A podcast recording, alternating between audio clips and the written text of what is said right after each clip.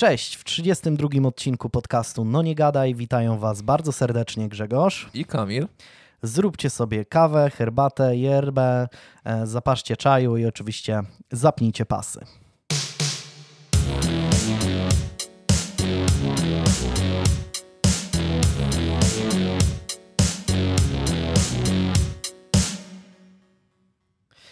No, lekki falstart. E, jako, że mieliśmy ostatnio niespodziewaną dostawę nowego sprzętu, to się z nim póki co dopiero e, oswajamy. E, zobaczymy, czy, mm, czy będzie słychać różnicę. Mam, mam nadzieję, że, że tak, że skok jakościowy będzie, będzie spory. O ile uda nam się to nagrać w ogóle. o ile nam się uda to nagrać, ale, ale wszystko póki co wygląda, wygląda ok.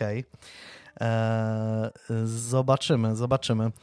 Tak, no rozmawialiśmy, rozmawialiśmy przez ostatnie, nie wiem, pewnie 10 minut na, na y, różne tematy. E, między innymi o, o reprezentacji Polski, o książce, mm, która wyszła, biografii Jerzego Brzęczka. E, której nie czytaliśmy, ale, ale nie wiem, może, mo, mo, może ja sobie... Ale to jest, to jest chyba dość popularne wypowiadanie się o tej książce przez osoby, które jej nie czytały w ogóle, więc po prostu wpisaliśmy się, wpisaliśmy się w ten klimat. No ale właśnie, właśnie ja chciałbym tego uniknąć, nie? To znaczy nie chciałbym się wypowiadać o tej książce nie czytając jej, chociaż... Yy, pewne rzeczy musiały w sumie siłą rzeczy tam wystąpić. Zresztą nie, e, nie czytałem, nie, nie oglądałem tych popularnych ostatnimi czasy w internecie, tych tam e, nagrań Krzysztofa Stanowskiego, tak. gdzie, gdzie on tam czyta te fragmenty i z tego co wiem i znając jego styl, to pewnie je tam z nich szydzi dość mocno.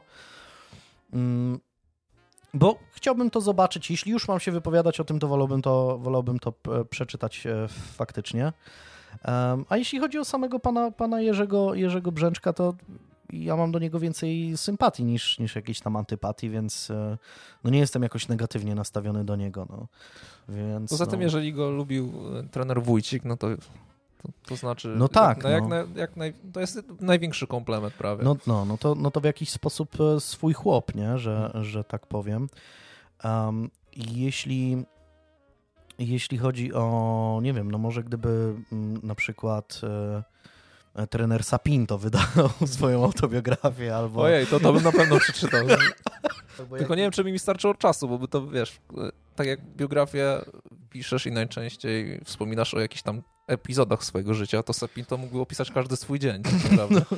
Więc to byłaby encyklopedia. Za to na przykład, nie wiem, Dean Klafuricz, gdyby napisał swoją, no to nie wiem, by miała dwie strony jego biografia ale może, wiesz, czasami dwie strony, ale takiej ale, esencji. No, samo mięso. Samo mięso, no może tak, może faktycznie. Opowiadałem też... E, w... O tym, że chodzisz na grzyby, tak, na ryby. o tym, że chodzę na grzyby, na ryby w Red Dead Redemption. Polecam grę, jeśli ktoś nie grał, bo będzie można też trochę się w, wcielić w mm, i zobaczyć realia, jakie były w, podczas, w czasach, w których miały miejsce wydarzenia z mojej sprawy. Ale to zresztą to jest już drugie nawiązanie do Red Deada, nie? Bo ja też w jednym z odcinków nawiązałem do tak, Red Deada. Tak, tak, tak. No, jest, no. Więc no, tam jest dużo, dużo takich odniesień mniej lub bardziej subtelnych do różnych jakichś tam kryminalnych y, wydarzeń i w ogóle politycznych i, i tak dalej. Mimo, że gra jest osadzona w fikcyjnym świecie, tak? Bo, bo miasto, które ma być Nowym Orleanem, nazywa się Saint-Denis, mimo że jest praktycznie totalnie, zupełnie jeden do jednego odwzorowane.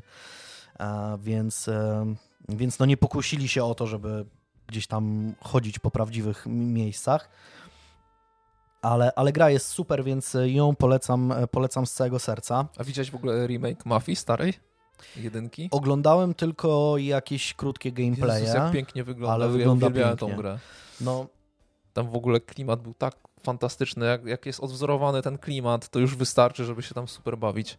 Więc ja na pewno sobie sprawię i na pewno sobie ja też, Ja też, e, też na pewno sobie, sobie sprawię mafię, bo jestem naprawdę, zwłaszcza jedynki, jestem wielkim fanem. E, dwójka też mi się podobała, trójka niestety już jest mm, marna, chociaż dzieje się w Nowym Orleanie, który, który też jest fajnie odwzorowany w tej grze i to jest chyba jej jedyny taki większy, większy plus, bo, bo ten Nowy Orlean naprawdę fajnie wygląda. E, ale, mm, ale no Mafia 1 to jest klasyk, pamiętam, pamiętam.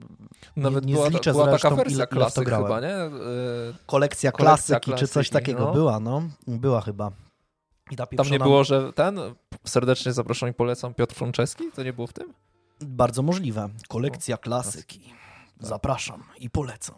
Piotr Frączewski. Bo- Możliwe, że bo- tak było. Bo Adam Małysz to polecał skoki Skoki narciarskie narciarskie 2002. 2002. Serdecznie zapraszam. Zapraszam, Adam Małysz. Tak, tak było. Ta pieprzona y, misja z wyścigiem, nie? No. Kurde, jakie, to było, jakie to było trudne. Ciekawe, czy, czy tak samo trudne jest w tym remake'u. E, Bo, bo to można było czasami, e, nie wiem, 50 razy przechodzić, żeby, żeby tam. Ciekawe, no bo wiesz, jak my to graliśmy, to byliśmy dzieciakami, nie? To może jakoś z takimi jakimiś bardziej skoordynowanymi ruchami już w wieku dorosłym, to może byśmy szybciej to ogarnęli. Ale wiesz co, ja się łapię na tym, że e, jak odpalam sobie czasami gry, w które grałem będąc dzieckiem, to zauważam, że one dla mnie teraz są trudniejsze niż wtedy. Że gry, które zapamiętałem jako, no powiedzmy, okej, no w, miarę e, wymagające, ale no w miarę gładko, tak? To teraz odpalam i mówię, pierdziele, nie? W ogóle mam wrażenie, że gry idą zresztą w tę stronę takiego raczej ułatwiania, nie? Gdzie powiedzmy te soulsy wszelkie e, są... Masz tylko takie typy typowo pod tru, trudne gierki, Tak, gdzie musisz, gdzie musisz sobie wypracować jakiegoś takiego skilla, nie? Że, że po prostu no już Poza tym masz pewnie Poza automatyzmy. tym, poza tym wiele gier w ogóle odchodzi od y, poziomów trudności. Jest najczęściej wypłaszczony jeden taki. tak, taki tak, tak. No. I on Al- jest i dla przejścia dla, wiesz, No, amatora, albo i dla, albo dla jest y, y, poziom trudności, który rośnie wraz z twoim jakby skillem, nie? Że gra dostosowuje ci sama, Mhm. To jakoś też, tam no. stopniuje ten poziom trudności w zależności od tego, jak grasz, nie? Ale mam wrażenie, że gry w dużej mierze odchodzą od takiego modelu typowo zręcznościowego, który gdzieś tam będąc, będąc dzieckiem to był taki powiedzmy domyślny sposób grania, tak? Że musiałeś pewne rzeczy po prostu albo zapamiętać, jakieś sposoby na, na zrobienie czegoś, albo wypracować sobie jakieś tam e, metody na przejście danego jakiegoś bossa czy coś, to teraz mam wrażenie, że już tego raczej, raczej nie ma, że, że, że ta gra że te gry są prostsze, ale nie wiem, tak, tak może, mi się, może mi się wydaje. W ogóle e, zmieniając, zmieniając temat, e, dzisiaj w ogóle jest e, dzień święto e, pasztecika szczecińskiego. Jadłeś kiedyś pasztecik szczeciński? Nie, nie jadłem. Bo ja byłem w ten weekend w Szczecinie, No to już wiem, dlaczego byłeś w Szczecinie. ale to dzisiaj jest... e, No ale no to wiesz, no to w poniedziałek byś nie pojechał, no bo pracujesz normalnie. No tak, no, no a, ale no dzi dzisiaj w ogóle nagrywamy, nagrywamy we wtorek, ale w A, ten, wtorek. ten, ten weekend, w ten weekend byłem, byłem w Szczecinie i jako, że nigdy nie, mm, to znaczy byłem raz w Szczecinie, ale tylko tak przejazdem praktycznie, więc mówię, no muszę popro- po, po, próbować e, szczecińskich e, specjałów, no i po pierwsze jest w Szczecinie pomnik paprykarza szczecińskiego, co jest super w ogóle. Moim zdaniem to jest mega pomysł, żeby zrobić, zrobić pomnik po prostu paprykarza, nie jakichś tam prezydentów, papieży czy innych, nie wiem, y, ludzi, tylko no wiesz, jeśli z czegoś słynie miasto, no to taki pomnik, a w ogóle byliśmy w tym Szczecinie, no i teraz jest ta pandemia, no coraz jest mało turystów i tak dalej, a przy pomniku paprykarza było pełno ludzi robiących se zdjęcia i tak dalej, więc to mega miejsce, a to jest w ogóle tak trochę w, no, ciężki dojazd tam jest i to jest tak tro, trochę w oddaleniu, więc... ym, No ja bym chęcią byłem, zobaczył. byłem zaskoczony. Naprawdę super. Jeśli, jeśli ym, ktoś ma możliwość, to, to po- polecam pojechać do Szczecina, zobaczyć pomnik y, szczecińskiego paprykarza. A jeśli ktoś, nie wiem, mieszka daleko albo nie może pojechać do Szczecina, to niech sobie wygoogluje, bo naprawdę pomnik robi wrażenie. Stoi w porcie, więc Powinien być y, taki wirtualny jest- spacer jest- wokół nawet. jest klimat. I aż zdziwiło mnie, że nie ma żadnych takich em, pamiątek na przykład z tym paprykarzem albo czegoś takiego. Ja bym to tak zagospodarował. W taki sposób, że wiesz. Ale też żuli nie ma dookoła nigdzie? Nie, nie, nie, nie ma, nie ma, nie ma. W ogóle Szczecin jest bardzo ładnym miastem. e, Naprawdę polecam. E, Naprawdę, naprawdę polecam. Bardzo, e, bardzo fajne miasto. Mimo, że pogoda nam trochę nie dopisała, to, to jest ładnie. A druga rzecz, jeśli chodzi właśnie o specjały szczecińskie, to jest ten pasztecik. e, Pasztecik szczeciński.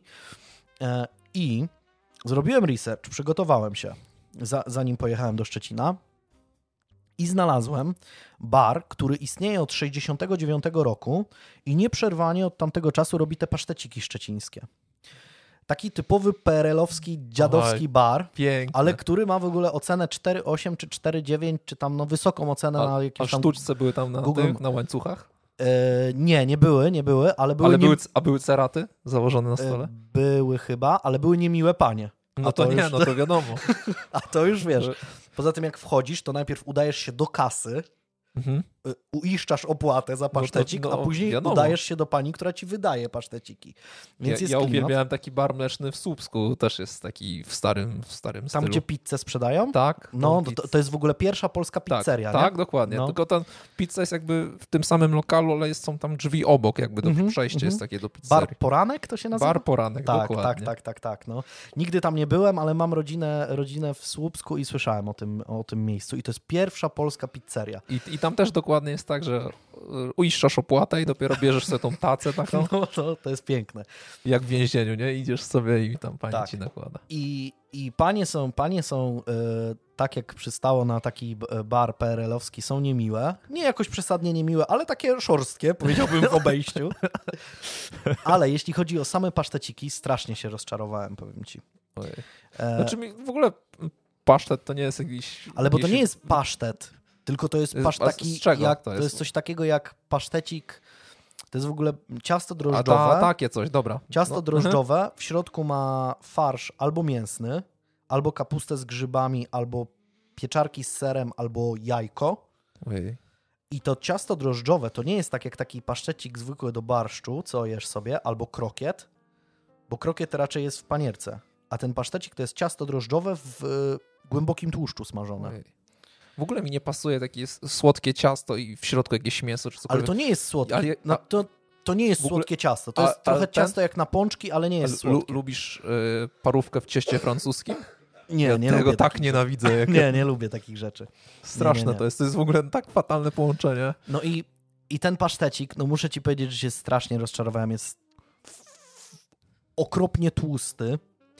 E, I, I jak na taki bar, który podobno jest super zajebiście kultowy, no to no takie 2 na Dwa na 10. 10. No, no naprawdę. Zamówiłem sobie, ty, wziąłem sobie tych pasztecików e, z każdego rodzaju po jednym. Mówię, o kurde, O Jezus król Maria. przyjechał złotem płaci, Ja jak nie? Makłowicz wszystko No, sobie że wiesz, będę No. tutaj teraz y, degustował, nie? No.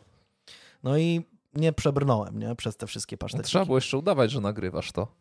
No, Że tą degustację, to może by panie były miłe. Może tak, no, ale, ale, ale nie, nie, nie, nie, nie, nie, nie, nie ponowię, nie ponowię, nie ponowię tej degustacji. E, może ktoś jest ze Szczecina i opowie mi, e, jak bardzo się mylę. Bardzo chętnie, bardzo chętnie p- posłucham, bo podobno Szczecinianie uczęszczają tam, zresztą tam było pełno ludzi, tam ci ludzie to jedzą. To nie jest tak, że to jest tylko jakiś relikt, skansen taki, że wiesz, wchodzisz jak do biskupina, No. tylko Dali ci taki sprzed 12 lat, bo nikt nie kupuje tego. No, więc, więc y, no paszteciki, paszteciki jestem na nie. E, Paprykarz jestem na tak. Paprykarz, e, papry, mimo że paprykarzu nie, nie jestem jakimś wielkim fanem, czy paprykarza, nie jestem jakimś wielkim fanem, ale pomnik paprykarza mega opcja. Nie, brzmi po, polecam. super, no. Brzmi super. E, Pomniku, pomnika, pom... ja tutaj mam jakieś problemy z odmianą. Monumentu pasztecikowego jeszcze nie ma, ale, ale może, może będzie. Zobaczymy. Em, co? Jeśli Wiesz chodzi o y, coś Z jeszcze? takich e, rzeczy na pewno oglądałem, e, to chyba jedyna rzecz, którą oglądałem w ostatnimi czasy, to drugi sezon Boysów na O, Amazonie o. i jest cały czas jest super. No, ja się nie dziwię. To, to nie, trzyma nie, nie, strasznie oglądałem, fajny klimat. nie oglądałem, ale słyszałem, że jest to jest, no, to jest, to jest ten jeden z tych seriali, w których totalnie nie wiesz, co się wydarzy za sekundę, że wydaje ci się, że to wszystko idzie w jedną stronę i się ułamku sekundy coś, nawet w połowie odcinka, no bo znasz, znasz moją taktykę oglądania Mhm. filmów. Czy my to mieliśmy dopiero na jakiś y, jubileuszowy odcinek dopiero przy, Tak, przy tak, tak. To nie, to nie Tizujesz to na razie, ale to ja ale nie jeszcze, będę o tym opowiadał. No, ale mówiłeś. to jest, jest, y, jest tak w tym serialu, że totalnie w, w momencie, w którym się totalnie nie spodziewasz zmiany, jakby przeskoku totalnego, drugą stronę y, fabuły, tak naprawdę coś, kto, komuś wybucha głowa, albo nie wiem, coś, się No. tota- coś dzieje się tak dziwnego, że tak przewraca całą konstrukcję fabuły, że cały czas się tym jarasz i cały czas oglądasz y, i siedzisz patrzony w telewizor. to podobnie trochę jak w tym, e, jak w komiksie, e, bo Boys najpierw mhm.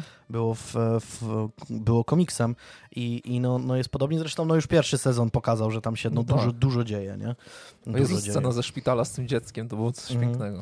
Nie, naprawdę, naprawdę e, serial jest, jest bardzo dobry. No, pierwszy sezon ja oglądałem, a w listopadzie, dla odmiany na początku listopada jakoś będzie nowy sezon The Crown i też już nie mogę się, nie mogę się doczekać. Maria, ile no bo... to ma sezonów? To, to bez przerwy o tym The Crown mówisz. No, ale teraz będzie trzeci? To oni co, nagrywają co pół roku? No, oni rzadko nagrywają. No, ale The Crown jest super, polecam. Polecam z całego, z całego serduszka. Dobra, no to, no to chyba przechodzimy do, do spraw naszych, bo moja będzie dość e, obszerna. Tak? No dobra, tak. Mam monsterka, to nie zasnę. To w takim razie lecimy.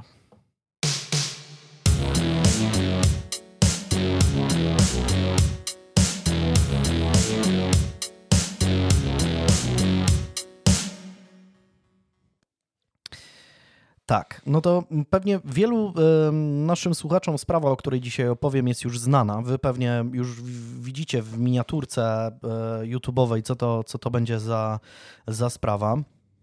To zawsze ja się dowiaduję ostatni. Tak, to zawsze ty się, ty się dowiadujesz ostatni. E, ale wybrałem ją nie bez powodu. Jak się okazało, e, wielu twórców, autorów, nawet książek dość rozbudowanych na ten temat, czy artykułów, zarówno tych polskich, e, jak i zagranicznych, pomija bardzo dużo istotnych wątków, które moim zdaniem rzucają zupełnie inne światło na tę historię.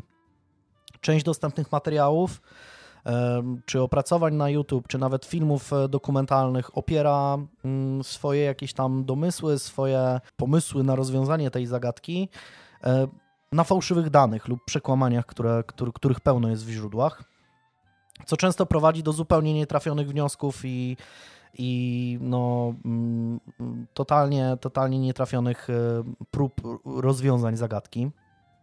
Więc zanim zarzucisz mi w komentarzu, że to już było, że ja to znam, że ja już to słyszałem, że zrobił to ten czy tamten już na, na YouTubie, to zanim zjedziesz tam, tam niżej, żeby dodać komentarz, to posłuchaj, bo prawdopodobnie wielu faktów związanych z tą sprawą nie słyszałeś lub nie słyszałaś. Ponieważ z tego co nie robiłem jakiegoś grubego researchu, jeśli chodzi o to, ale z tego co wiem, to Mm, na polskim YouTubie czy w polskich podcastach jeszcze nikt tej sprawy pod tym kątem nie, nie omawiał i w, z wykorzystaniem e, faktów, o których zaraz będę mówił. I dzisiejsza historia nierozerwalnie połączona jest z Nowym e, Orleanem. I żeby w pełni zrozumieć specyfikę tego, tego miasta, pozwolę sobie zresztą nie pierwszy raz zrobić krótki wstęp historyczny więc właściwa historia miasta zaczyna się w 1717 roku, kiedy to francuscy kolonizatorzy na takim ostrym łuku rzeki Mississippi, taki no to jest bagnisty i nieprzyjazny teren, niedaleko um, ujścia rzeki, zakładają tam miasto. Podejmują decyzję, że to, że to jest e, fajne miejsce. E, no i nadają, nadają temu miastu e, nazwę La Nouvelle Orléans. Mm, na cześć regenta Francji i księcia Orleanu, tego francuskiego Orleanu oczywiście, Filipa II. Już pięć lat później e, miasto staje się stolicą kolonii Louisiana. Oczywiście nie mówimy to jeszcze o stanie Louisiana, tylko kolonii Louisiana, która w tamtym czasie zajmuje mniej więcej jedną trzecią obecnego terytorium USA. Krótko po tym, e, jak miasto powstało, to uderza w nie huragan, który doszczętnie niszczy prawie całą zabudowę, zabudowę miasta.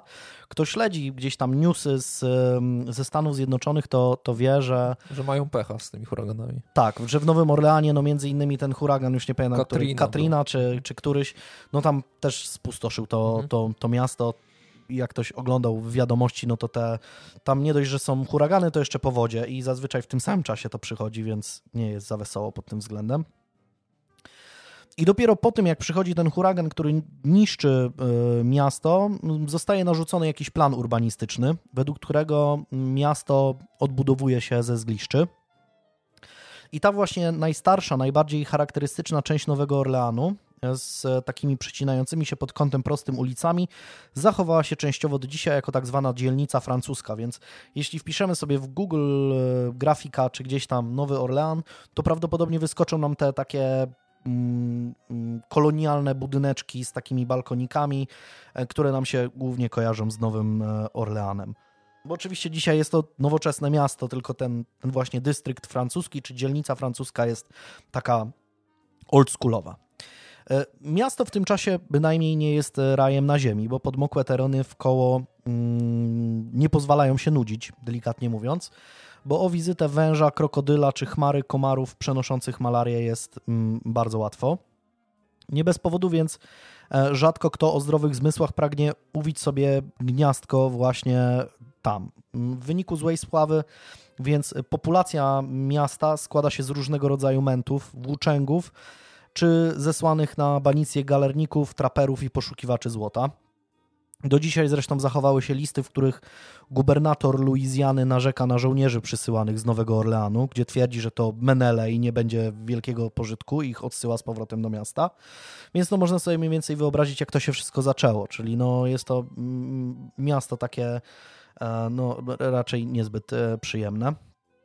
Co ciekawe, już w 1730 roku dwie trzecie mieszkańców miasta to afrykańscy niewolnicy, którzy już niedługo dadzą o sobie znać w Nowym Orleanie.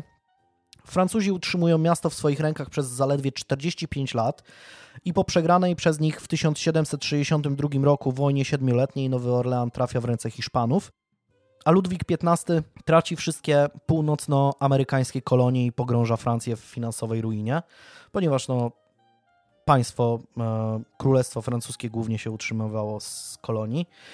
No i mm, jednocześnie rosną wśród jego poddanych, rośnie wśród jego poddanych niezadowolenie mm, z monarchii, które będzie eskalowało i przyniesie swój e, jakby... Krwawy koniec. W postaci rewolucji francuskiej, tak. Hiszpanie z początku mają trochę w dupie zdobyte terytorium, e, bo nie wiem, może nie lubią krokodyli i węży. Fakty jednak są takie, że swojego gubernatora przysyłają dopiero 4 lata później, więc no mają totalnie wyjebane przez 4 lata. Nie? Podbijesz jakieś miasto i dopiero po 4 latach sobie przypomina, no. że tam trzeba kogoś wysłać, bo tam, tam nikt nie rządzi. Nie? No i lokalna społeczność nie za bardzo jest zadowolona z takiego obrotu spraw, że, że Hiszpanie, no okej, okay, podbili nas, ale niech nie przysyłają tu jakiegoś swojego gubernatora. No nie, mm, tak, tak się nie bawimy. No i e, ta, ta władza hiszpańska nie idzie gładko, bo w 1768 roku wybucha powstanie i elity Nowego Orleanu łączą siły z niemieckimi osadnikami i sprzeciwiają się mm, gubernatorowi, który się nazywa Ulloa.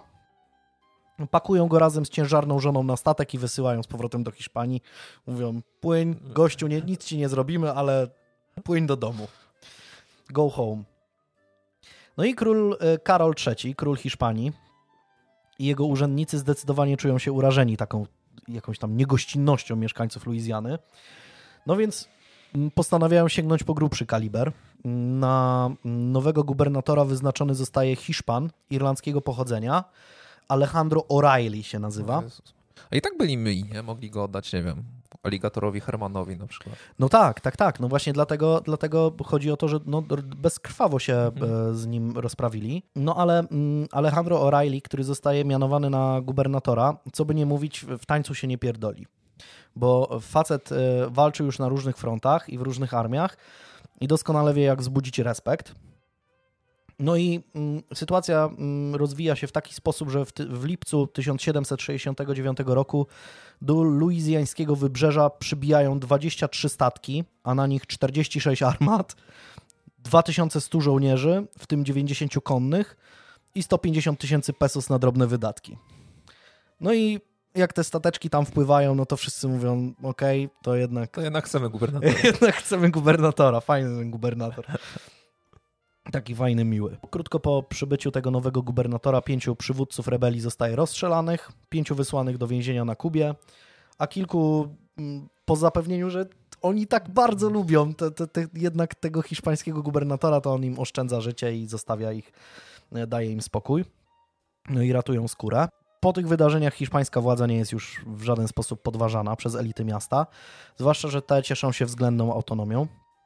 Spokój w Nowym Orleanie jednak nie trwa zbyt długo, bo w 1788 roku, w Wielki Piątek, w mieście wybucha ogromny pożar, który trawi 856 e, z około 1100 budynków w mieście. No i jako, że ma on miejsce akurat w religijne, e, religijne ważne święto, to księża odmawiają e, bicia w kościelne dzwony na, na alarm. Nie wiem, dlaczego akurat w piątek nie można bić w dzwony. Czy to tak teraz też jest? Tak? Nie wiem. Hmm. Nie Jakby wiem, czy to Bóg... powiedział Włodek Zięba, dobry plan. Ale nie wiem, czy wiesz, czy Bóg mm, nie, nie lubi dzwonów w Wielki Piątek i woli, nie wiem, jak płoną miasta, nie mam pojęcia. Trudno powiedzieć. E, no, oczywiście pomogłoby to wezwać pomoc gdzieś tam z dalszych części miasta czy z jakichś przedmieść, e, zmobilizować mieszkańców do gaszenia na własny, na własny jakiś tam rachunek. No ale Bezmyślność kleru w połączeniu z silnym wiatrem prawie pustoszy miasto, obraca je w popiół. Po pożarze rozpoczyna się dynamiczna odbudowa, która trwa kilka lat. No i jak na złość, w 1794 roku, jak już ta odbudowa trochę tam y, przynosi jakiś efekt, to ma miejsce kolejny pożar, który niszczy 212 budynków. Po tym y, wydarzeniu miasto zostaje już odbudowane z wykorzystaniem zabudowy ceglanej. Po prostu, no, żeby, żeby się nie poliło. I to właśnie z tamtego czasu pochodzi większość budynków tej słynnej e, francuskiej dzielnicy. W 1800 roku na mocy tajnego traktatu Louisiana wraca z powrotem w ręce Francuzów, a trzy lata później Napoleon, ten Napoleon, Napoleon Bonaparte, sprzedaje e, ją Amerykanom za kwotę 60 milionów franków oraz e, anulowanie długu o wartości 18 milionów franków. No i ten ogromny zakup nieomal podwaja terytorium Stanów Zjednoczonych na terenie zakupionego gruntu powstanie aż 13 nowych stanów, łącznie z tym, który dzisiaj nosi właśnie nazwę Louisiana. XIX wiek to czas dynamicznego rozwoju miasta jako, jako centrum handlowo-przemysłowego, choć nie oznacza to, że jest tam zupełnie różowo. W pierwszych e, latach nowego stulecia populacja Nowego Orleanu liczy sobie 8,5 tysiąca mieszkańców, w tym mniej więcej 3550 e, e, białych i 1500, 1550 e, wolnych czarnych i 3100 niewolników mm, różnych ras i różnego pochodzenia, ale oczywiście w większości czarnych niewolników. No i ci ostatni właśnie czarni niewolnicy buntują się w 1811 roku na terenie miasta i wybucha największe powstanie niewolników w historii Stanów Zjednoczonych co oznacza największe mm, powstanie niewolników w historii Stanów Zjednoczonych. Ono oznacza to, że 200 do 500 czarnoskórych mężczyzn maszeruje w stronę miasta, sprzeciwiając się brutalnemu traktowaniu i nieludzkiemu wyzyskowi na plantacjach trzciny cukrowej. No i to największe powstanie w historii Stanów Zjednoczonych e, przynosi taki efekt, że buntownicy zabijają dwie osoby oraz palą dwie rezydencje plantatorów. Więc to naprawdę krwawe powstanie. Kilka niewielkich cukrowni i uprawy trzciny cukrowej jakieś tam są niszczone. No, odpowiedź władz okazuje się bezwzględna, bo wojska ścierają się z powstańcami, zabijając w przeciągu pół godziny 45 z nich, sami nie odnosząc żadnych strat, więc ich tam y, totalnie roznoszą w pył.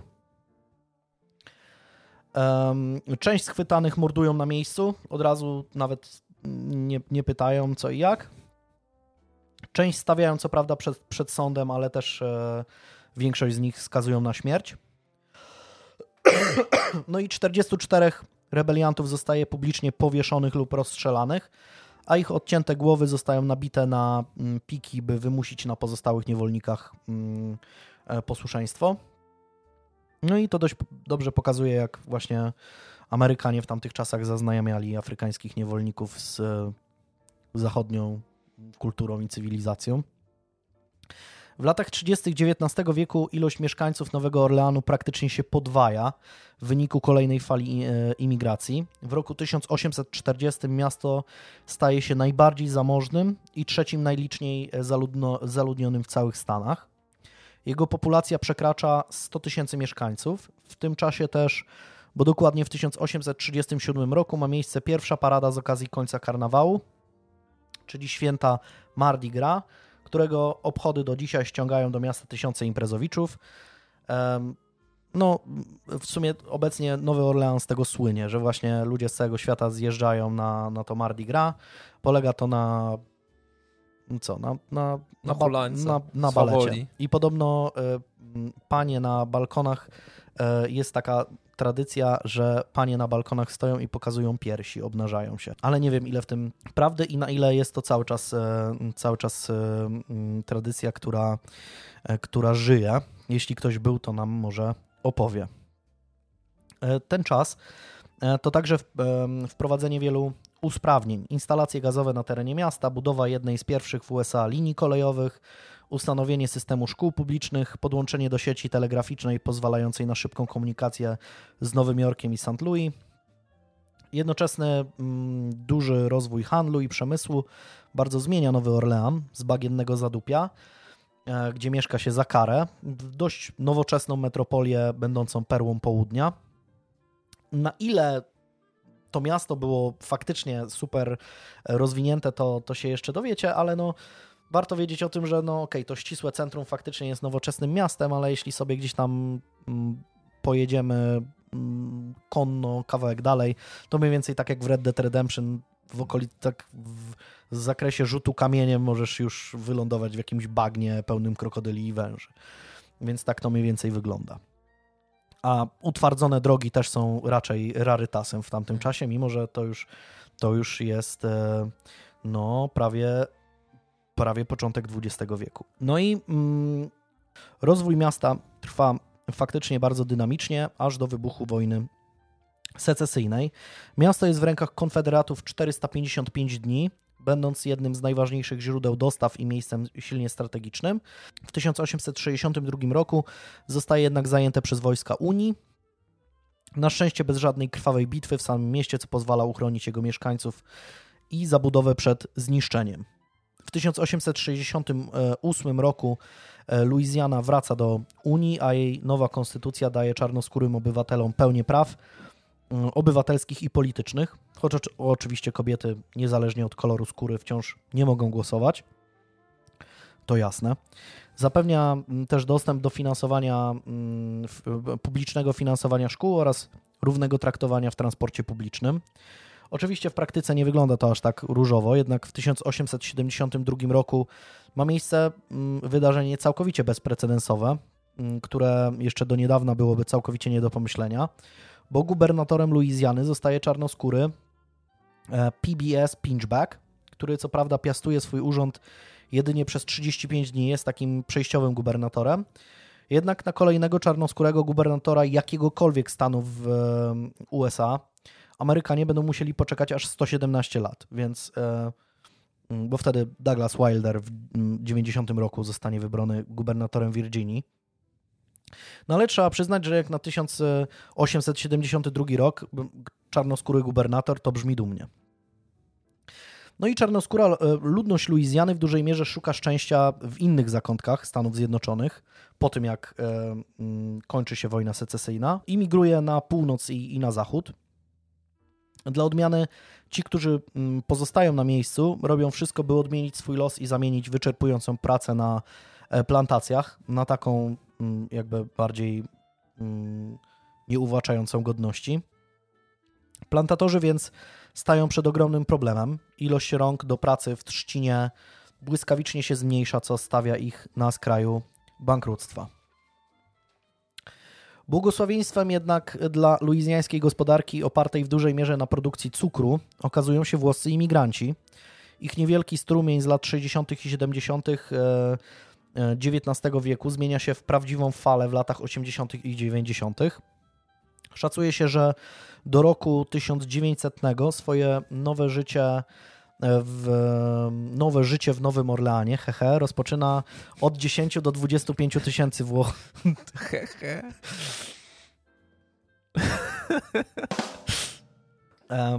Nowe życie w Nowym Orleanie rozpoczyna od 10 tysięcy do 25 tysięcy Włochów, z czego 80% stanowią Sycylijczycy. I jako, że w tym czasie liczba mieszkańców miasta przekracza już ćwierć miliona, e, imigranci z Italii stanowią jej istotny element. W dzielnicy francuskiej jest ich tak dużo, że jej część nazywana jest przez mieszkańców Little Palermo, Palermo to takie miasto na Sycylii. E, jak e, pisze w swojej książce Miriam Davis, e, na swój sposób Nowy Orleans staje się symbolem amerykańskiej różnorodności, zbudowany przez Francuzów, oddany w ręce Hiszpanów, sprzedany Amerykanom, będący pod wpływem wielu kultur kreolskiej, europejskiej, karaibskiej, afrykańskiej i latynoskiej. Nowy Orlean jest autentyczną mieszanką narodów, języków i kultur. Nie podlega jednak wątpliwości, że status włoskich imigrantów na przełomie XIX i XX wieku niewiele różni się od tego, który ma ludność czarnoskóra. Tych właśnie mm, imigrantów e, nazywa się pogardliwie Dagos, mm, które pochodzi od mm, hiszpańskiego e, imienia Diego. Mieszkańcy Luizjany nie silą się na rozróżnianie Włochów, Hiszpanów, Portugalczyków czy innych ludzi pochodzących ze Śródziemnomorza. Tak jak obecnie, nie wiem, Czech, Słowak, Polak, Rosjanin, Białorusin, to też to samo. często w Stanach Zjednoczonych mniej więcej to samo. Włosi jednak nie godzą się z losem obywateli drugiej kategorii. Są ambitni, um, pracowici i często mają żyłkę do biznesu. Gdy tylko udaje im się odłożyć jakąś sumę pieniędzy, otwierają swoje własne małe przedsiębiorstwa, sklepy spożywcze, barbershopy czy zakłady szewskie. Bardzo często mieszczą się one w niewielkich budynkach, które pełnią też rolę domu mieszkalnego i mają jedną lub dwie malutkie sypialnie i kuchnie. Gdy fala włoskiej e, imigracji trafia do Nowego Orleanu, jedynie 7% właścicieli sklepów spożywczych to Włosi, a w 1920 roku są oni już w posiadaniu aż połowy z nich. Więc no, ta włoska imigracja trafia do, do tych Stanów, na początku zaczyna od jakichś tam zupełnie podstawowych prac, ale rośnie w tej społeczności, w tej drabinie jakby społecznej. Amerykański dość, sen. Dość szybko, tak, taki trochę American Dream.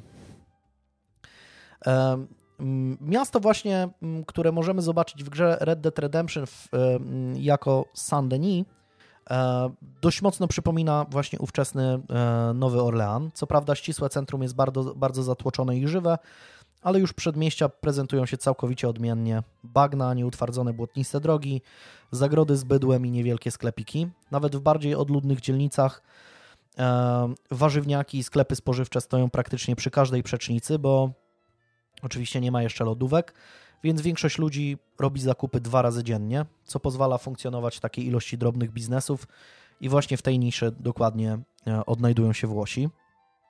No i jedną z takich rodzin jest Małżeństwo Kruttich, 40-letni syn włoskiego imigranta August razem ze swoją żoną Harriet otwierają swój sklep z barem e, w lipcu 1910 roku na rogu Royal i Lesseps Street w Nowym Orleanie.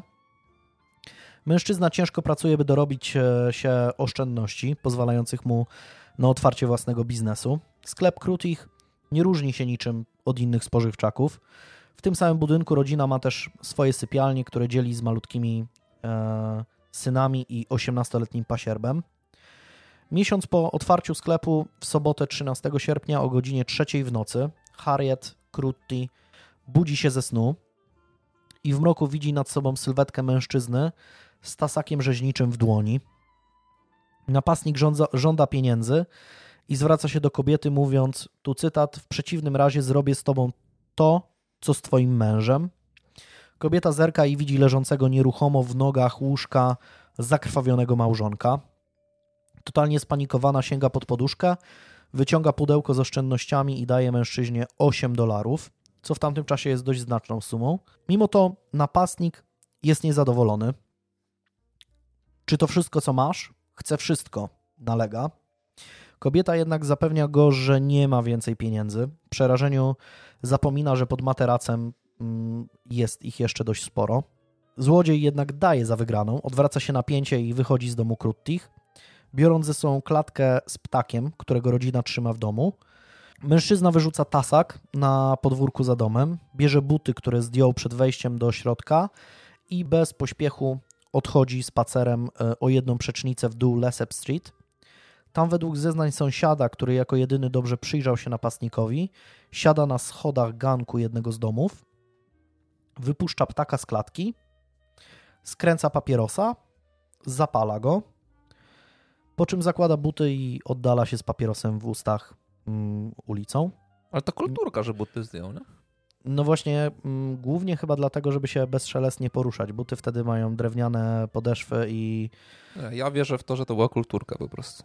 Ale no, to znaczy on boso po prostu. Nie wiem, czy wtedy tak chyba się skarpet nawet nie nosiło za bardzo, nie wiem. Skary typowe, nie? E, Harriet Cruty jest pewna, że jej mąż albo już nie żyje, albo jest bardzo bliski śmierci. Potrząsa nim. Ten jęcząc próbuje się podnieść, ale pada na łóżko nieprzytomny. Dzieci budzą się dopiero, gdy kobieta wybiega na ulicę, wołając pomocy, ale żaden z sąsiadów się mm, nie kwapi.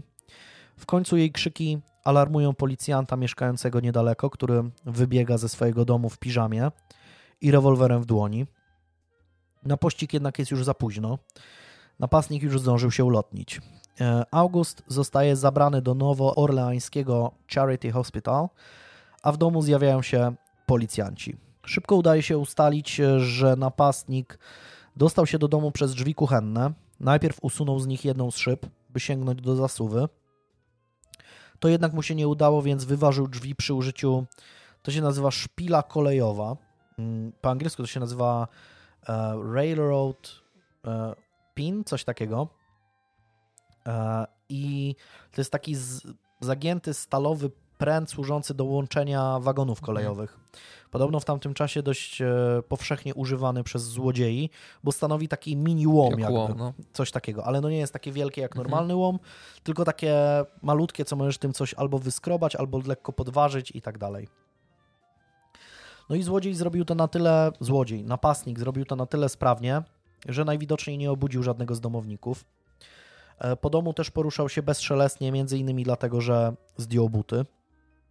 Przeszedł przez kuchnię, przez sklep, po czym wszedł do sypialni Krutich i uderzył Augusta dwukrotnie tasakiem w głowę i klatkę piersiową. Najprawdopodobniej wtedy obudziła się Harriet. Jak się za chwilę okaże, obrażenia mężczyzny nie są tak duże, jak mogłoby się wydawać, bo ten jeszcze tego samego dnia wieczorem e, siedzi na łóżku w szpitalu i odpowiada na pytania policjantów, paląc papierosa. Wie, że położył się spać około godziny drugiej w nocy. Nie pamięta jednak nic z samego ataku. Jednocześnie jest całkowicie przekonany, że spał, gdy na jego głowę spadł pierwszy cios. Nie jest w stanie wytłumaczyć, kto mógłby chcieć jego śmierci. Twierdzi, że nie ma żadnych wrogów, a już z pewnością nie takich, którzy posunęliby się do zabójstwa lub jego zlecenia. Na podstawie zeznań Harriet i sąsiada powstaje rysopis napastnika, Mężczyzna ma 36 lub 37 lat, 170 e, cm e, wzrostu, ciemne włosy, duży nos i usta.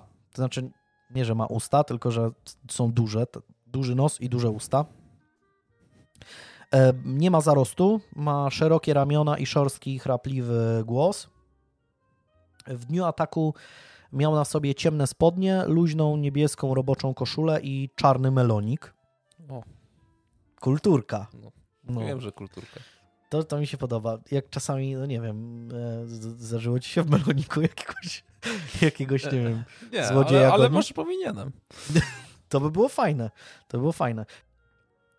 Na czele grupy dochodzeniowo-śledczej staje 42-letni Jim Reynolds, gliniarz z krwi i kości, który ma już na koncie wiele rozwiązanych spraw, mający opinię inteligentnego, ambitnego i zawziętego.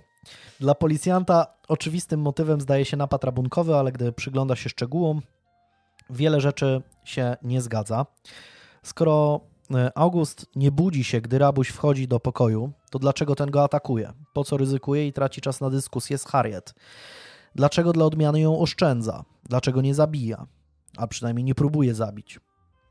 W końcu dlaczego zabiera ptaka i dlaczego tak spokojnie oddala się z miejsca ataku, skoro w przypadku schwytania prawie stuprocentowo trafiłby prosto na szubienicę.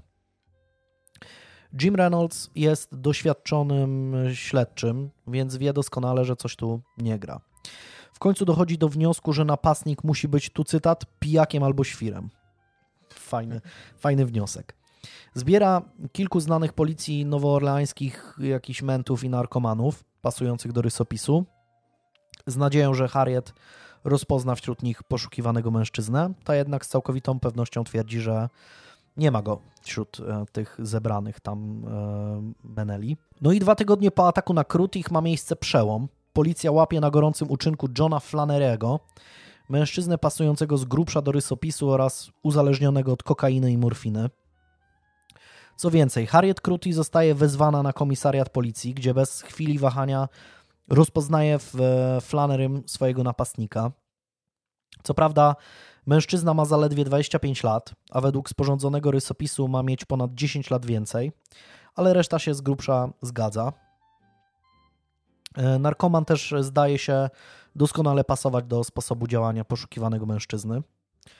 Pomimo tego, że Flannery mm, podczas wielogodzinnych przesłuchań zdecydowanie zaprzecza, 9 września zostaje oskarżony o włamanie i napaść na Augusta Crutiego. Proces nigdy nie rusza, bo komisja składająca się z dwóch lekarzy e, psychiatrów poddaje pod wątpliwość e, poczytalność mężczyzny, twierdząc, że długo, długotrwałe nadużywanie alkoholu i narkotyków oraz zaburzenia psychiczne nie pozwalają na sprawiedliwe osądzenie jego czynów. Wiadomo, alkohol najgorszy wróg mężczyzny. Jednocześnie e, komisja rekomenduje umieszczenie Flanerego w zamkniętym zakładzie psychiatrycznym, gdy oskarżony wciąż siedzi w miejskim areszcie niecały miesiąc e, po ataku na Krutich ma miejsce kolejny bliźniaczy napad. Joseph i Concetta Risetto są dziećmi włoskich imigrantów i drobnymi przedsiębiorcami. Posiadają sklep spożywczy na rogu Tonty, i, Tonty Street i London Avenue na przedmieściach Nowego Orleanu. Biznes idzie na tyle dobrze, że po pewnym czasie są w stanie zbudować nowy budynek.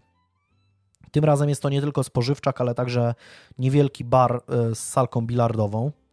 W tej samej nieruchomości znajduje się też e, ich własny dom, E, dość pokaźny, bo składający się z jadalni, pokoju gościnnego, sypialni i kuchni, na co większość włoskich imigrantów nie jest sobie w stanie pozwolić.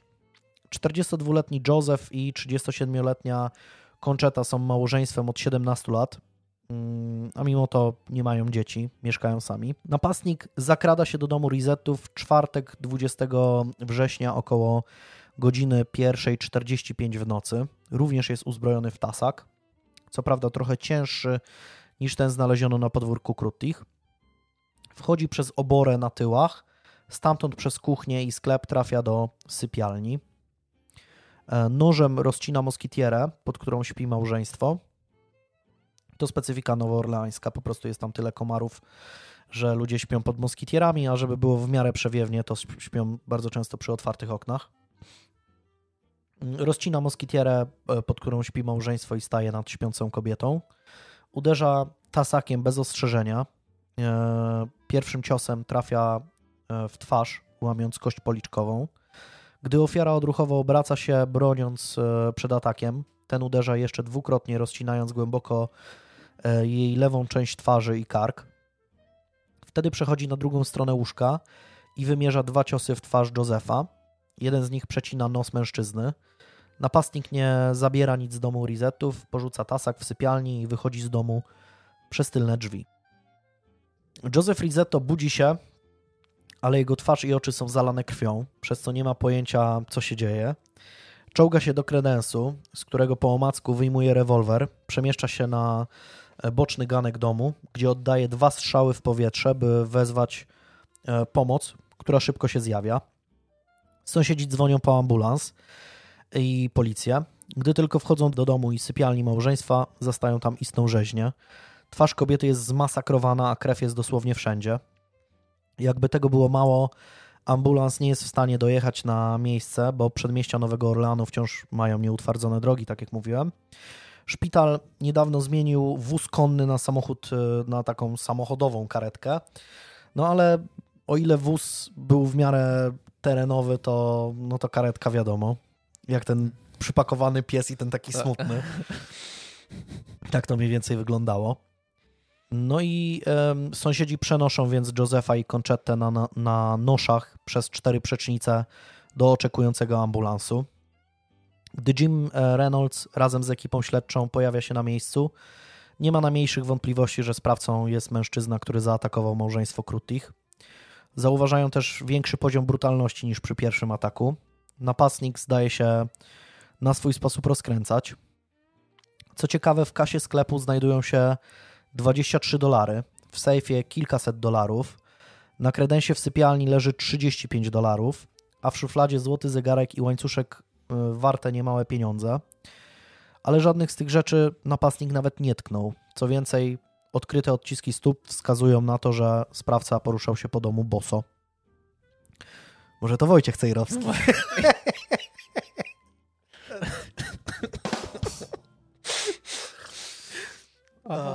Piąta noc kabaretowa.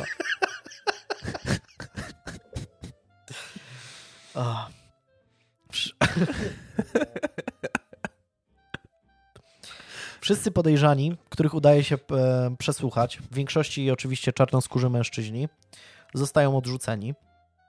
Mimo to pewne postępy w śledztwie zostają zrobione, ale jedynie czynią sprawę jeszcze bardziej zagadkową. Jak się okazuje, tasak, którym posłużył się napastnik, został skradziony z rzeźniczego straganu razem z dużym nożem kilka tygodni wcześniej.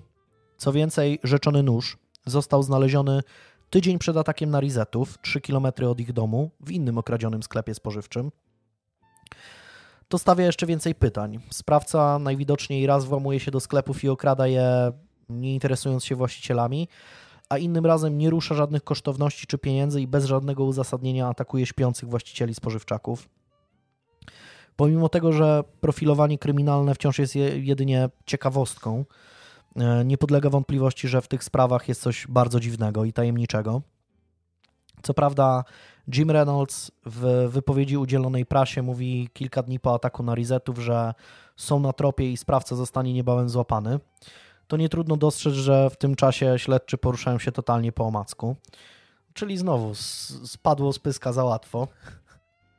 Jedynym pocieszeniem jest to, że zarówno Joseph e, i Concheta uchodzą z życiem. Co prawda oboje będą do końca życia mieć na twarzach widoczne blizny, a mężczyzna nie będzie widział na jedno oko.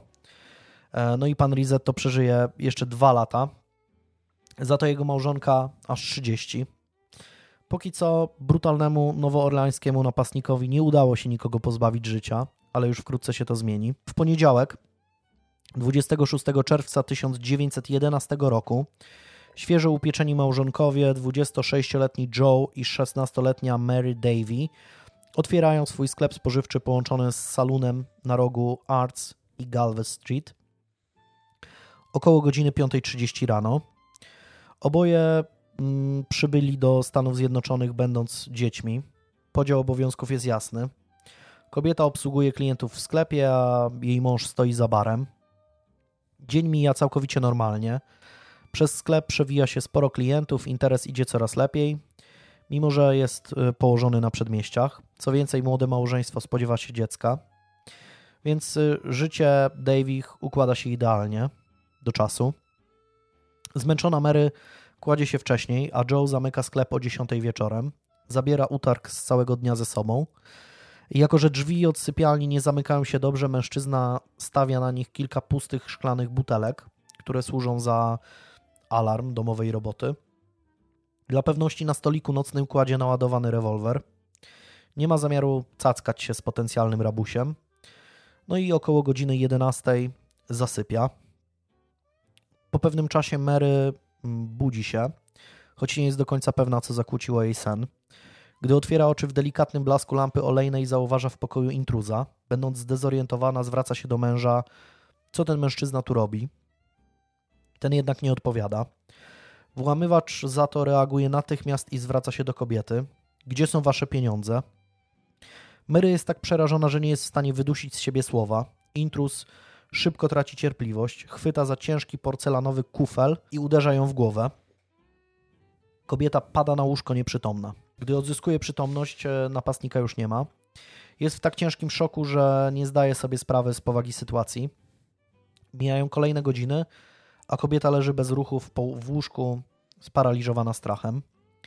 O godzinie 5.30 rano następnego dnia pod sklepem zjawia się jeden ze stałych klientów – i zdziwiony staje przed zamkniętymi drzwiami. Małżeństwo Davich nigdy nie pozwoliłoby sobie na zaniedbanie swoich obowiązków. E, puka kilkukrotnie do drzwi, ale nikt nie otwiera. Podchodzi do okna z boku budynku, tam gdzie jest sypialnia właścicieli sklepu i stuka w szybę. Po chwili w oknie pojawia się Mary. Mówi nieskładnie, że nie może mu teraz nic sprzedać, bo mąż jeszcze śpi. Mówi coś o tym, że nie może go obudzić. Mężczyzna widzi krew na twarzy kobiety. On natychmiast orientuje się, że coś jest nie w porządku. Prosi o pomoc kilku sąsiadów i wchodzi do domu Davich, w którym zastaje koszmarny widok. Joe leży na łóżku przesiąkniętym krwią, ma zmasakrowaną czaszkę, żyje, ale jego oddech jest bardzo nierówny. Mary jest zupełnie zdezorientowana, nieświadoma powagi sytuacji i też poważnie zraniona. Ma rozcięcia na twarzy, prawej dłoni i ramieniu. Małżeństwo zostaje zabrane do szpitala. Gdy na miejscu zjawiają się śledczy, wszystko wygląda znowu znajomo. Bez trudu odtwarzają przebieg wydarzeń.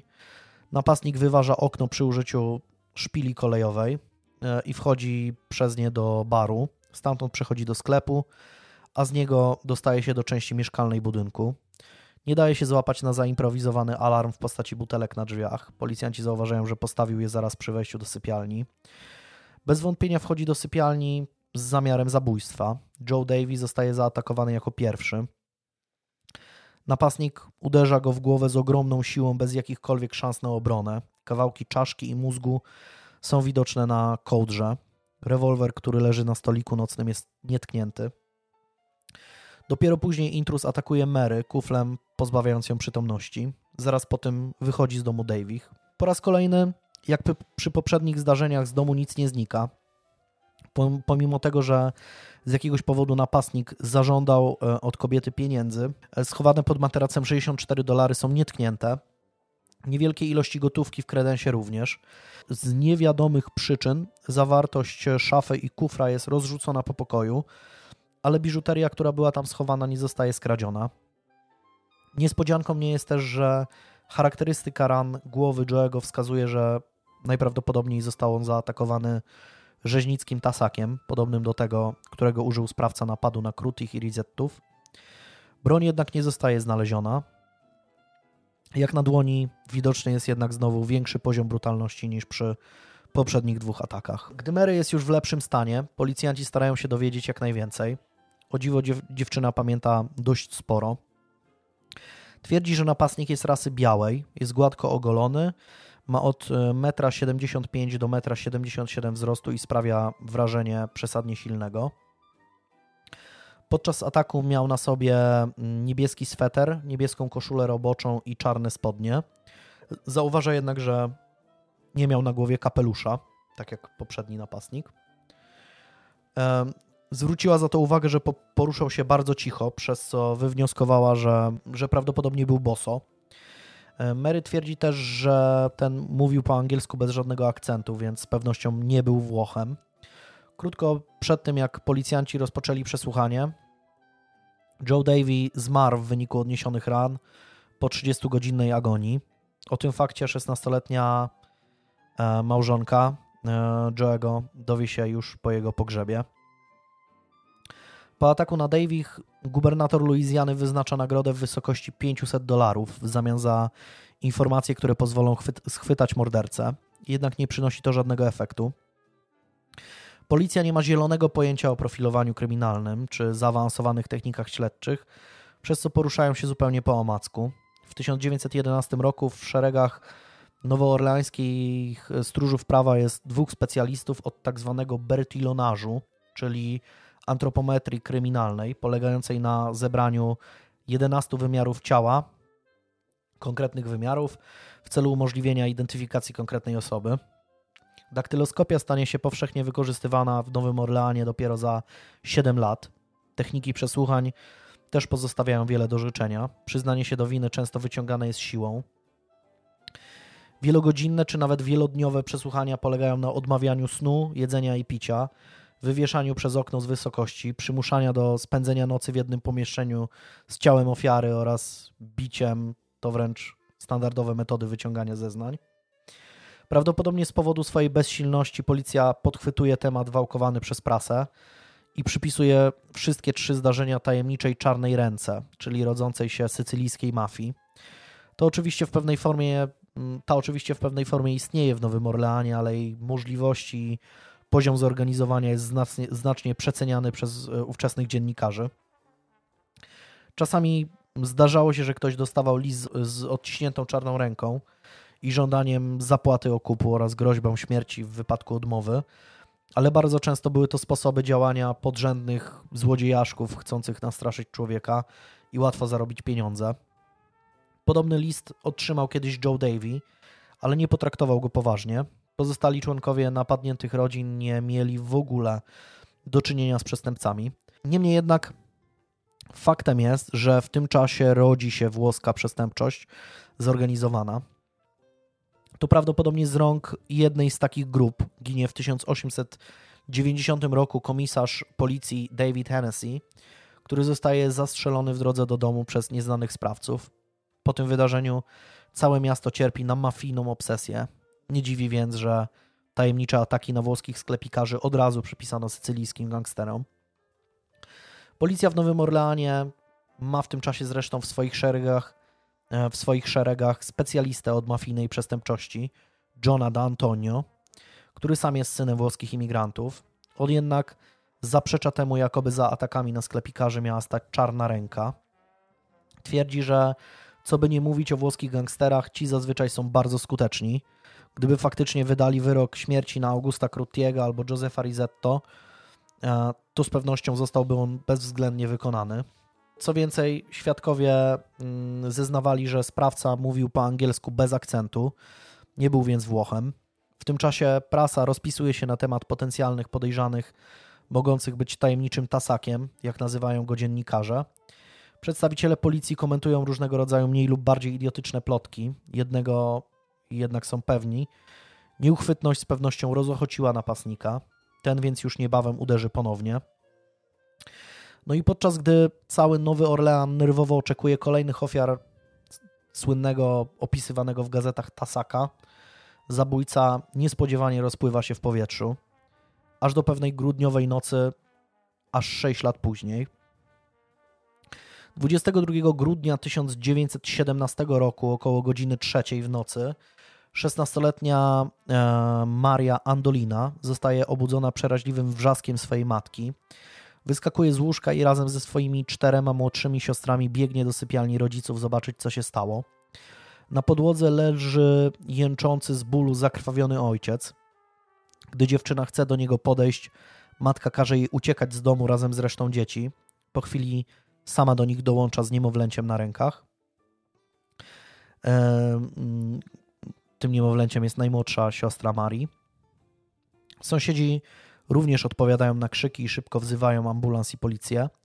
Jak się okazuje, pomocy medycznej potrzebuje nie tylko 43-letni Epifanio Andolina, ale także jego dwóch synów, 14-letni John i 13-letni Salvadore. O ile chłopcy zostali zranieni niegroźnie, to obrażenia głowy ich ojca wyglądają bardzo poważnie. Epifanio i Anna Andolina, oboje urodzeni na Sycylii, prowadzą od pięciu lat sklep spożywczy na rogu Apple i Dante Street na przedmieściach. W tym samym budynku mieszkają razem ze swoją ósemką dzieci. Najmłodsza dziewczynka śpi w łóżku z rodzicami w ich sypialni. Pięcioro dziewcząt w, osobnych, w osobnym pokoju, a dwoje chłopców we własnym, najmniejszym pokoiku. Podczas przesłuchania przez policję Anna opowiada przebieg wydarzeń. Około godziny trzeciej w nocy nagle się budzi i widzi, i widzi stojącego przy łóżku po stronie męża intruza.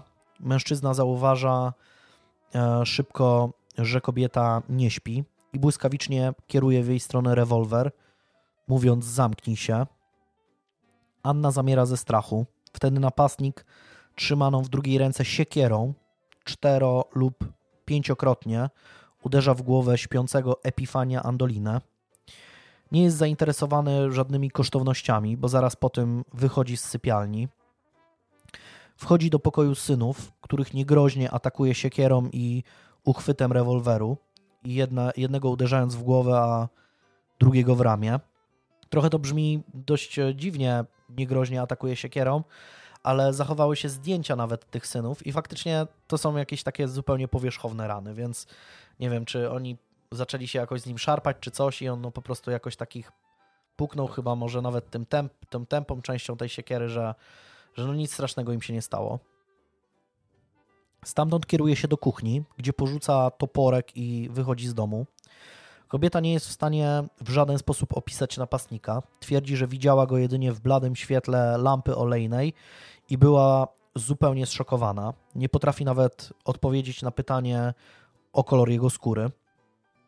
Przesłuchany zostaje też Epifanio, ale też nie widział sprawcy. Został zaatakowany we śnie, a później broniąc się przed następnymi ciosami nakrył się kołdrą.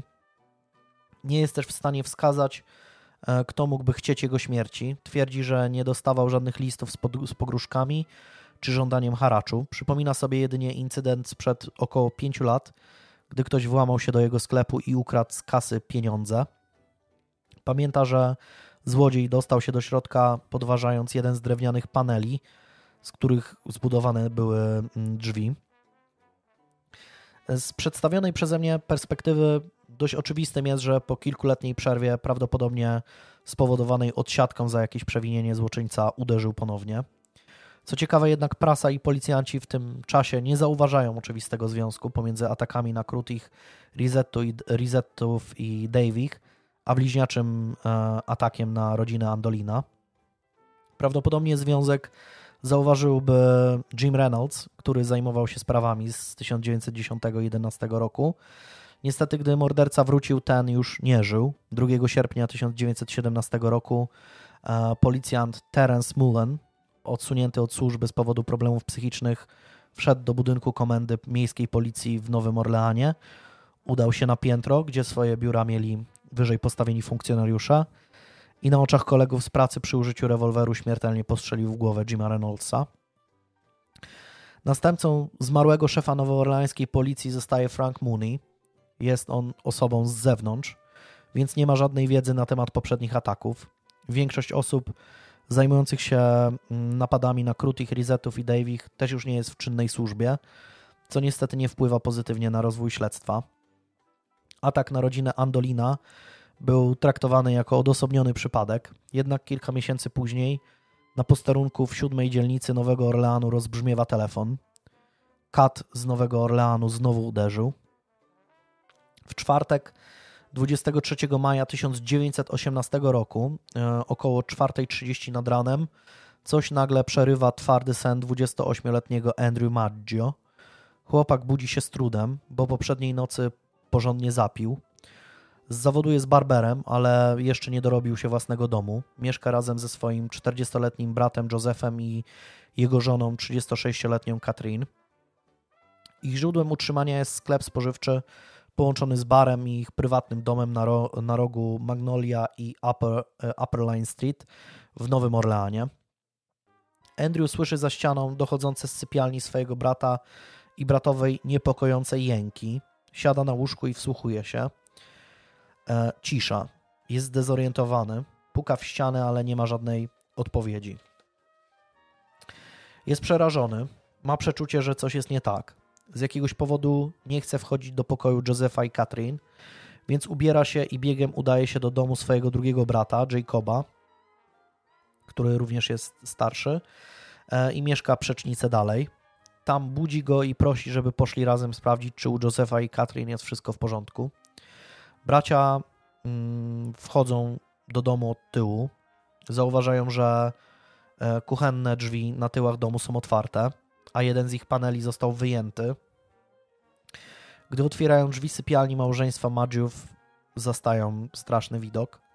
Mężczyzna cały zakrwawiony leży na łóżku, tak że jego nogi bezwładnie zwisają z bocznej krawędzi. Katrin leży na podłodze, na plecach u jego stóp. E, w oczy od razu rzuca się straszna rana z prawej strony jej szyi. Krew jest dosłownie wszędzie. Mm, na łóżku, na podłodze i ścianach. Katrin zmarła kilka godzin przed przybyciem policji, a jej mąż jakimś cudem oddychał jeszcze, gdy śledczy pojawili się na miejscu. Nie doczekał jednak przyjazdu karetki. Policjanci ustalają na miejscu bez trudu, że napastnik wszedł do domu tylnymi drzwiami kuchennymi, usuwając z nich panel i sięgając do skobla. E, stamtąd bezpośrednio udał się do sypialni Maggiów. Atak musiał być przeraźliwie brutalny, bo brunatne, krwawe ślady są nawet pod samym sufitem. Przeprowadzona zostaje też autopsja, która ujawnia, że obu ofiarom poderżnięto gardła, prawdopodobnie przy użyciu brzytwy. Joseph został ponadto uderzony dwukrotnie siekierą w głowę, a jego twarz i szyja nosiła kilka dodatkowych ran ciętych. Śledczy zakładają, że mężczyzna został zaatakowany jako pierwszy. Kobieta w pewnym momencie obudziła się, wstała z łóżka i podbiegła do mordercy, chcąc obronić swojego męża. Katrin nie została zaatakowana siekierą. Na jej ciele odkryto mm, za to siedem ran ciętych na twarzy, ramieniu oraz dłoni. Prawdopodobnie, gdy próbowała się zasłonić przed ostrzem. E, do tej rany dłoni prawdopodobnie tak doszło, że to była tak zwana rana obronna, czyli dziewczyna broniła się i została cięta w dłoń. Śmiertelną raną okazała się rana cięta szyi. Napastnik zadał ją z taką siłą, że prawie uciął jej głowę. Ostrze przecięło mięśnie, żyłę szyjną wewnętrzną, tętnicę i tchawicę. Z każdym wdechem Katrin Maggio dusiła się własną krwią. Niewielki sejf w sypialni był otwarty, ale prawdopodobnie nie przez napastnika, a którąś z ofiar. Joe Maggio dzień wcześniej wpłacił do banku 650 dolarów, które do niedawna trzymał właśnie tam. Blaszana kasetka została otwarta siłą i zabrano z niej 50 dolarów. Dla odmiany stojąca obok szkatułka z biżuterią wartą dużo więcej pozostała nietknięta. Szuflady z komody zostały pootwierane, a ubrania porozrzucane na podłodze. Napastnik posłużył się siekierą, która należała do Maggiów. Znaleziono ją w łazience w wannie. Brzytwa za to zostaje znaleziona przez sąsiadkę na posesji do, przylegającej do domu Maggiów. Na początku oczywistymi podejrzanymi są bracia Joego, którzy pierwszy pojawili się na miejscu zbrodni. Zwłaszcza fakt, że Andrew jest mm, właścicielem barbershopu, natychmiast połączono ze znalezioną brzytwą. Pomimo tego, że obaj zostają aresztowani, szybko staje się jasne, że nie mogli być mordercami. Wiele źródeł skupia się na tajemniczym napisie wykonanym kredą, e, który pojawił się w dniu morderstwa o poranku na chodniku. Według gazety Times Picayune, przecznicę dalej od domu Maggiów, ktoś napisał, tu cytat, pani Joseph Maggio nie pójdzie dzisiaj spać, tak jak pani Tony. Dwie inne gazety podały jeszcze inne warianty tego napisu, zupełnie zmieniające jego sens. Nie wiadomo więc, czy w ogóle takie wydarzenie miało miejsce. Panią Tony jednak łączono ze sprawą sprzed lat, kiedy to rok po ataku na Davich 16 maja 1912 roku zginął inny włoski sklepikarz Tony Schiambra. Napastnik około godziny drugiej w nocy wspiął się na kilka skrzynek i wszedł do domu przez okno w kuchni. Stamtąd udał się prosto do sypialni, w której spał Tony, jego żona Johanna i ich malutki syn. Mężczyzna jednak nie został zaatakowany ani siekierą, ani tasakiem, ani brzytwą. E, morderca miał przy sobie rewolwer kaliber 38, z którego pięciokrotnie strzelił do skiambry. E, jeden z pocisków przeszedł przez jego ciało i trafił leżącą obok Johannę w biodro. Pozostał w jej jamie brzusznej. Tony zmarł z wykrwawienia jeszcze przed przyjazdem karetki, a jego żona w wyniku zakażenia 10 dni później. Mały Jake przeżył atak bez szwanku. Napastnik ewidentnie był zainteresowany jedynie zamordowaniem mężczyzny. Wyszedł z domu, nie, inter, nie interesując się kosztownościami ani pieniędzmi. Gdy jednak zastanowić się nad specyfiką tego ataku, niewiele rzeczy pokrywa się z tym, co robił X-Men. Bo tak, no właśnie, jeśli chodzi o nazewnictwo. E, w Stanach prasa nadała, na, początku mówiono te, te pierwsze trzy ataki e, z lat 1910-1911. E, prasa nazywała tego mordercę The Cleaver, czyli Tasak. Tasak. A późniejsze ataki, te o których teraz mówię, tego gościa nazywano X-Menem. Od, niektórzy tłumaczą to jako cut, niektórzy tłumaczą to jako siekiernik, czy coś takiego, co brzmi strasznie. Nie, siekiernik nie. Więc ja będę mówił, już chyba gdzieś tam powiedziałem o nim cut, ale najbardziej mi się tak, po prostu podoba X-Men. Brzmi to naprawdę y, w ogóle jak, jak, w Stanach jest jak taka... Tekstem, y, jestem Knightem, wale Axem. tak, tak, tak, no. Ale, ale w Stanach w ogóle jest taka tendencja do nadawania takich e, takich bedesowych e, no. przydomków w tym. Ale widać, że e, ten, była ta ewolucja taka idąca właśnie w ciekawsze nazewnictwo. No. tak, tak, tak. No. No zresztą no, no też mm, e, facet po prostu, wiesz, zmienił jakby mm, sposób działania. Zresztą Ale to w ogóle dodanie nie... tego, wiesz, tego, tej końcówki man, to jeszcze tak dodaje no, no, no. Wiesz, The X-Men można jeszcze człowiek topór. O, no to już w ogóle. Jak jakiś superbohater no. i powinien mieć swojego takiego sidekicka, pomocnika, nie wiem, człowieka brzytwę albo, nie wiem, człowieka, co, szpilkę. Artura. Artura. Ajtuj. Ajtuj. Tak, no jeśli, jeśli się, się zastanowić, to mm, niewiele mm, rzeczy pokrywa się z tym, co robił X-Men. We wszystkich sprawach pozostałych narzędzie zbrodni jest bardzo specyficzne, pozwalające czerpać, to mówię trochę jak świr, ale pozwalające czerpać jakby bezpośrednią radość z zadawania bólu ofiarom. Ktoś, kto wybiera brzytwę, tasak czy siekierę, chce uczynić zabijanie bardziej osobistym, namacalnym. Zresztą nie trudno dojść do wniosku, że atak na ofiarę X-Mena wcale nie miał na celu ich zabicie. Wiele jego ofiar przeżyło, czy X-Mena, czy Tasaka. Za to wybór broni palnej pozwala na zabicie kogoś na, na odległość, z jednocześnie dużą pewnością, że ofiara faktycznie wyzionie ducha, tak? Po prostu, no zwłaszcza jeśli mamy do czynienia ze śpiącą osobą, no to no, przykładamy jej po prostu broń do głowy i strzelamy, tak? No to raczej małe prawdopodobieństwo, że nawet przy użyciu kalibra 38 to skończy się, skończy się mm, później jeszcze mm, jakimś długim i szczęśliwym życiem. Um, trudno więc dołączyć Tonego i Johannes Kiambra do ofiar X-Mena. Tego samego zdania zresztą wtedy mm, był Jim Reynolds. Prawdopodobnie gdyby żył w momencie ataku na Magiów, bez trudu połączyłby te zbrodnie na przykład z atakiem na Davich. E, sam napis na chodniku prawdopodobnie był czyimś bezmyślnym żartem i nie ma się za bardzo sensu nad nim skupiać. Mm, no ale policjanci dość, dość poważnie się nad nim głowili. Był on zresztą jedną z niewielu poszlak, których mogli się uchwycić. No i podczas gdy śledztwo w sprawie morderstwa Maggiów stoi w miejscu, ma miejsce kolejny atak. W czwartek 26 czerwca 1918 roku około godziny 6.50 rano dostawca chleba zatrzymuje się przy małym sklepie spożywczym na logu Le Herb i e, Dur... francuskie nazwy. Durgenois, coś takiego, street, należącego do 60-letniego Luisa Bezumera, imigranta ze wschodniej Europy, prawdopodobnie Polaka, który mieszka w domu przylegającym do sklepu razem z kobietą, którą wszyscy biorą za jego żonę, a w rzeczywistości jest jego kochanką, konkubiną. No. Dużo e, ładniej. Dużo ładniej.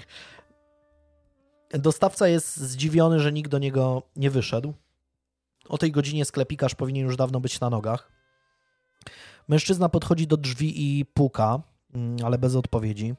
Idzie na tyły e, budynku, do drzwi prowadzących do pokoi mieszkalnych. Puka ponownie. Pomimo tego, że słyszy za ścianą jakieś kroki, znowu nikt nie otwiera.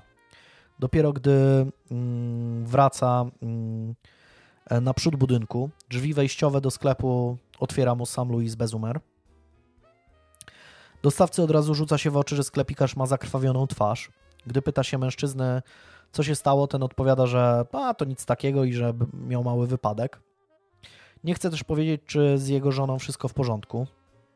Żoną, konkubiną, kochanką. Gdy dostawca naciska, Bezumer pozwala mu wejść do domu i sprawdzić to samemu. Mężczyzna wchodzi do środka i znajduje ledwo przytomną, zakrwawioną kobietę leżącą na łóżku. Pomimo tego, że Bezumer nie chce, żeby wezwano policję, dostawca pieczywa nalega i stawia na swoim. Gdy funkcjonariusze zjawiają się na miejscu, e, szybko orientują się, że wydarzyło się coś bardzo niecodziennego. Na pierwszy rzut oka może się wydawać, że Louis i jego partnerka są kolejnymi ofiarami X-Mena, ale przy bardziej wnikliwych oględzinach wszystko przestaje się kleić. Budynek składa się ze sklepu, do którego przylegają dwa pokoje z korytarzem i tylnym gankiem na jego końcu. W jednym pokoju mieści się sypialnia Louisa Bezumera, a w drugim sypialnia 28-letniej Harriet Lowe. Na ganku e, zostaje odnaleziona damska peruka, E, obok leży trzonek starej siekiery, za to jej ostrze mniej więcej półtora metra dalej. Wszystkie trzy przedmioty są zakrwawione. Krwawe odciski e, stóp prowadzą z ganku przez korytarz do sypialni kobiety, gdzie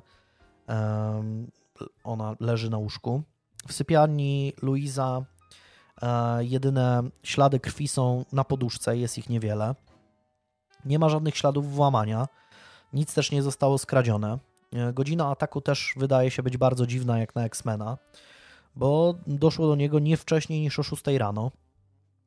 Pomimo tego, że w tym czasie ludzie już chodzili po ulicach, nikt nie zobaczył nikogo wchodzącego ani wychodzącego z domu bez umera. Zarówno Louis, jak i Harriet mają obrażenia głowy. Mężczyzna ma ranę ciętą nad okiem, nie zagrażającą w żaden sposób jego życiu. Kobieta za to jest poważniej pokiereszowana, ma rany na ramionach i klatce piersiowej, a także kilkukrotnie została uderzona w głowę, co doprowadziło do pęknięcia czaszki.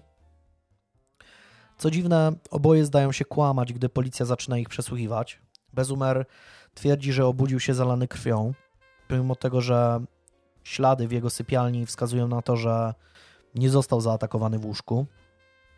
Dla odmiany Harriet twierdzi, że została zaatakowana w sklepie zaraz po jego otwarciu, pomimo tego, że znaleziono ją w szlafroku, a w sklepie nie było żadnych śladów walki.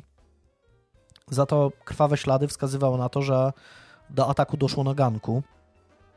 Wysoce prawdopodobne, że Louis i Harriet nie zostali zaatakowani przez nikogo, a ich obrażenia były wynikiem kłótni tak intensywnej, że aż w ruch poszła siekiera. Być może to kobieta zaatakowała pierwsza, jedynie lekko raniąc mężczyznę i uciekła na ganek, gdzie dogonił ją Louis i mm, zadał wielokrotnie ciosy siekierą, aż ta się rozpadła. Zraniona, spanikowana kobieta, być może nie zdając sobie sprawy z powagi obrażeń, poszła do sypialni i położyła się na łóżku. Być może to samo zrobił Bezumer, nie wiedząc, co ze sobą zrobić. Kobieta zresztą wyjdzie mm, ze szpitala, ale nigdy nie dojdzie do pełni zdrowia. Kilka miesięcy później po przeprowadzonej operacji Harriet zachoruje na zapalenie opon mózgowych. Na łożu śmierci wezwie szefa nowoorleańskiej policji Franka Muneya i wyzna mu, że gdy poprosiła Bezumera o pieniądze, ten zaatakował ją siekierą. Nie tłumaczy jednak, jak doszło do zranienia samego Luisa. Kobieta 10 dni po tym wyznaniu umiera. Trudno powiedzieć, czy jej słowa były prawdziwe, czy nie. Bezumerowi co prawda zostanie postawiony zarzut morderstwa, ale podczas procesu, do którego dojdzie dopiero 30 kwietnia 1919 roku, zostanie um, uczyszczony z tego zarzutu. Z prawdopodobieństwem graniczącym z pewnością można jednak powiedzieć, że Louis Bezumer i Harriet Lowe nie zostali zaatakowani przez X-Mena. Mimo, że wiele źródeł, wiele opracowań, e, filmy dokumentalne, wszystko zaliczają ich do, do ofiar, mimo że to kompletnie się nie klei. Ale to nie pierwszy raz i nie ostatni. E, prawdopodobnie jego ofiarą nie jest też 28-letnia Mary Schneider, w wielu źródłach do nich zaliczana. Atak ma miejsce z 4 na 5 sierpnia 1918 roku. Kobieta opiekująca się trójką dzieci i oczekująca narodzin kolejnego kładzie się zmęczona do łóżka i budzi w szpitalu kilka dni później nie mając zielonego pojęcia, co się wydarzyło. Wszystko wskazuje na to, że obudziła się w środku nocy i zauważyła złodzieja przetrząsającego szafę w sypialni. Gdy ten zorientował się, że został złapany na gorącym uczynku, chwycił lampę olejną stojącą na kominku i uderzył nią kobietę w głowę. W wyniku ataku Mary ma ranę głowy i wybite kilka zębów. Nie ma jednak pojęcia, kto ją napadł. W domu nie ma też śladów włamania.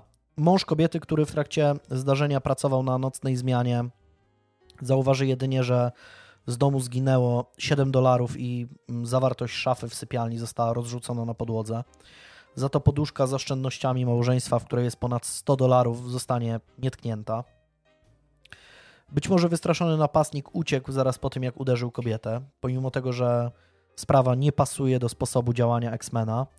Prasa podchwyci temat i na pierwszych stronach gazet um, ogłosi kolejne uderzenie mordercy. Wszystko jednak wskazuje na to, że ten nie miał z atakiem na Mary Schneider nic wspólnego. Frank Mooney, chcąc uspokoić mieszkańców Nowego Orleanu, wysyła na przedmieścia miasta regularne patrole, które mają odstraszyć potencjalnych złodziei, zbirów i przede wszystkim X-Mena. Ten jednak nie daje się złapać w pułapkę i zmienia rewir swoich działań. Jest noc 10 sierpnia 1918 roku. 15-letnia Pauline Bruno leży w łóżku obok swojej 13-letniej siostry Mary i nie może zasnąć. Od pewnego czasu czyta gazety i słucha plotek. Boi się, że tajemniczy morderca włoskich sklepikarzy upatrzy sobie jej rodzinę. Oprócz dwóch dziewczynek w domu na rogu Tonti Gravier Street mieszka ich owdowiała starsza mm, siostra Rosie, mama Lily i 31-letni wujek Joe Romano. Pauline pracuje w fabryce słodyczy, Rosie ma mały sklepik spożywczy z przodu domu, e, wujek Joe jest fryzjerem. Ich dom jest położony w tłocznej dzielnicy kilka przecznic od jednej z głównych ulic Nowego Orleanu, czyli Canal Street. Teoretycznie więc dziewczynka nie powinna się niczego obawiać. X-Men dotychczas wybierał przedmieścia, a nie zatłoczone ulice Nowego Orleanu. Niespokojny sen Pauline zostanie przerwany około godziny trzeciej w nocy. Ma wrażenie, że słyszy jakiś hałas w pokoju wujka Joe'ego. Po chwili jej uszom dobiega wyraźny jęk. Dziewczyna podrywa się z łóżka i widzi nieznajomego mężczyznę stojącego w progu. Na ten widok reaguje natychmiastowym wrzaskiem, do którego błyskawicznie dołącza się jej młodsza siostra. No i po chwili napastnik znika. Ze swojej sypialni wychodzi Joe Romano z zakrwawioną głową, był kocząc coś pod nosem i po chwili opada na krzesło, traci przytomność. Po pewnym czasie na miejscu pojawia się karetka pogotowia i funkcjonariusze policji. Mniej więcej godzinę później mężczyzna umrze w szpitalu. Policjanci ustalają, że napastnik wszedł przez otwarte okno w sypialni Joe'ego. Bez wątpienia obserwował posesję swoich ofiar od jakiegoś czasu. Mógł to mm, robić z przylegającej niezagospodarowanej działki. Przed wejściem do budynku zabrał ze sobą jedną z dwóch siekier schowanych w szopie. Wybrał tę z krótszym trzonkiem. Zaatakował Joe'ego Romano we śnie. Łóżko było splamione krwią, a toporek leżał przy nim. Zaraz e, po tym morderca uciekł przez kuchnię, zabierając ze sobą portfel ofiary. Paulin nie jest w stanie dokładnie opisać napastnika. Twierdzi, że ten jest wysoki i dobrze zbudowany. E, co do koloru jego skóry nie jest pewna, ale bliższa jest wersji, że jest on biały. Zezna też, że mężczyzna ma na sobie czarny garnitur i czarny kapelusz. Zauważy też, że pomimo masywnej budowy ciała e, ten poruszał się bezszelestnie. Autopsja Joe'ego Romano wykaże, że, że e, został on uderzony jednokrotnie, ale siekiera była tak ostra, że atak poskutkował prawie 9-centymetrowym pęknięciem czaszki i śmiercią mniej niż w dwie godziny po ataku. Co ważne, po tej sprawie można już mówić o histerii w Nowym Orleanie. Ludzie są totalnie przerażeni, że ktoś chodzi sobie po mieście, morduje ludzi pieprzoną siekierą, a służby nie są w stanie zupełnie nic z tym zrobić. Na policję i do mediów zaczyna spływać cała masa podejrzeń, oskarżeń i zgłoszeń. A to ktoś gdzieś znalazł porzucony toporek, a to ktoś gonił przestępcę i ten na pewno był X-Menem, a to ktoś widział mężczyznę przebra przebranego za kobietę i że to na pewno był morderca. Niektórzy nawet próbują złapać złoczyńcę na własną rękę, co oczywiście nie przynosi żadnego skutku. Inni czają się przez całą noc ze strzelbą w dłoni, czekając na przyjście mordercy. Policja też stara się działać. Na ulicach jest coraz więcej patroli. Najwidoczniej X-Men jest tego zupełnie świadomy. Dochodzi do wniosku, że Nowy Orlean jest zbyt niebezpiecznym miejscem na łowy i przenosi się na drugi brzeg rzeki Mississippi. Tam, e, w niewielkiej miejscowości o nazwie Gretna, zaraz na południowym brzegu rzeki, mieszka Charlie i Rosie Cortimilia wraz ze swoją dwuletnią córką Mary. Mężczyzna urodził się we Włoszech jako Vincenzo, ale zamerykanizował swoje imię, gdy przybył do USA.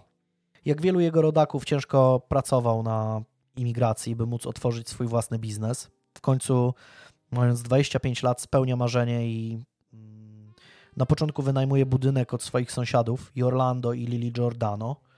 Tam otwiera swój pierwszy sklep, a gdy udaje mu się odłożyć niemałe pieniądze, buduje własny dom, w którym jest też spożywczak. Rosie, pomimo tego, że pochodzi z Luizjany, to ma włoską urodę i wielu sąsiadów mają za rodowitą Włoszkę. Ma czarne włosy, ciemne oczy i południowy temperament. Ich mała córeczka szybko staje się ulubienicą sąsiadów, zwłaszcza Frank Giordano, 17-letni syn państwa mm, Giordano. Wyjątkowo upodobał sobie małą dziewczynkę, z którą bardzo lubi spędzać czas. Państwo Cortimilia Często, gdy nie mają z kim zostawić małej Mary, oddają ją pod opiekę Franka. Budynek Charlie'ego i Rosie stoi na skrzyżowaniu ulic Jefferson i Second Street w Gretnie, mm, zaraz obok posesji, na której stoi sklep rodziny Giordano. Jest sobotni wieczór 8 marca 1919 roku. Lily Giordano zamyka sklep około godziny 22 i krótko po tym ucina sobie jeszcze pogawędkę z synem. Kiedy godzinę później mąż szykuje się do snu, słyszy szczekanie psów. Wychodzi na podwórko, by sprawdzić, co się stało. Sprawdza zagrodę z kurami i kozą, ale wszystko jest w porządku. Kilka godzin później, 10 minut przed trzecią w nocy, ujadanie psów budzi też miejskiego radnego mieszkającego po drugiej stronie ulicy. Gdy się wsłucha, słyszy też dziwne pukanie. Tap, tap, tap, jakby ktoś pukał do drzwi. Bierze lampę i wychodzi na podwórko. Nie widzi nic e, podejrzanego. Idzie naprzód domu. Wychodzi na ganek, włączając światło przed domem. Pukanie ustaje. Cisza. Wzrusza ramionami i wraca do łóżka. Zanim zaśnie, znów zacznie słyszeć tajemnicze pukanie, ale ignoruje je. Nad ranem przeraźliwy wrzask budzi okolice. Ze sklepu Cortimiliów wybiega przerażona kobieta wzywająca pomoc i krzycząc, że małżeństwo zostało, zostało zamordowane. Frank Giordano wyskakuje z łóżka i ile sił w nogach biegnie do domu Charlie'ego i Rosie, który od, o, który od jego rodzinnego domu dzieli jedynie wąska alejka. Widok, który zastanie w, sypa, w sypialni Cortimiliów, zapamięta do końca życia.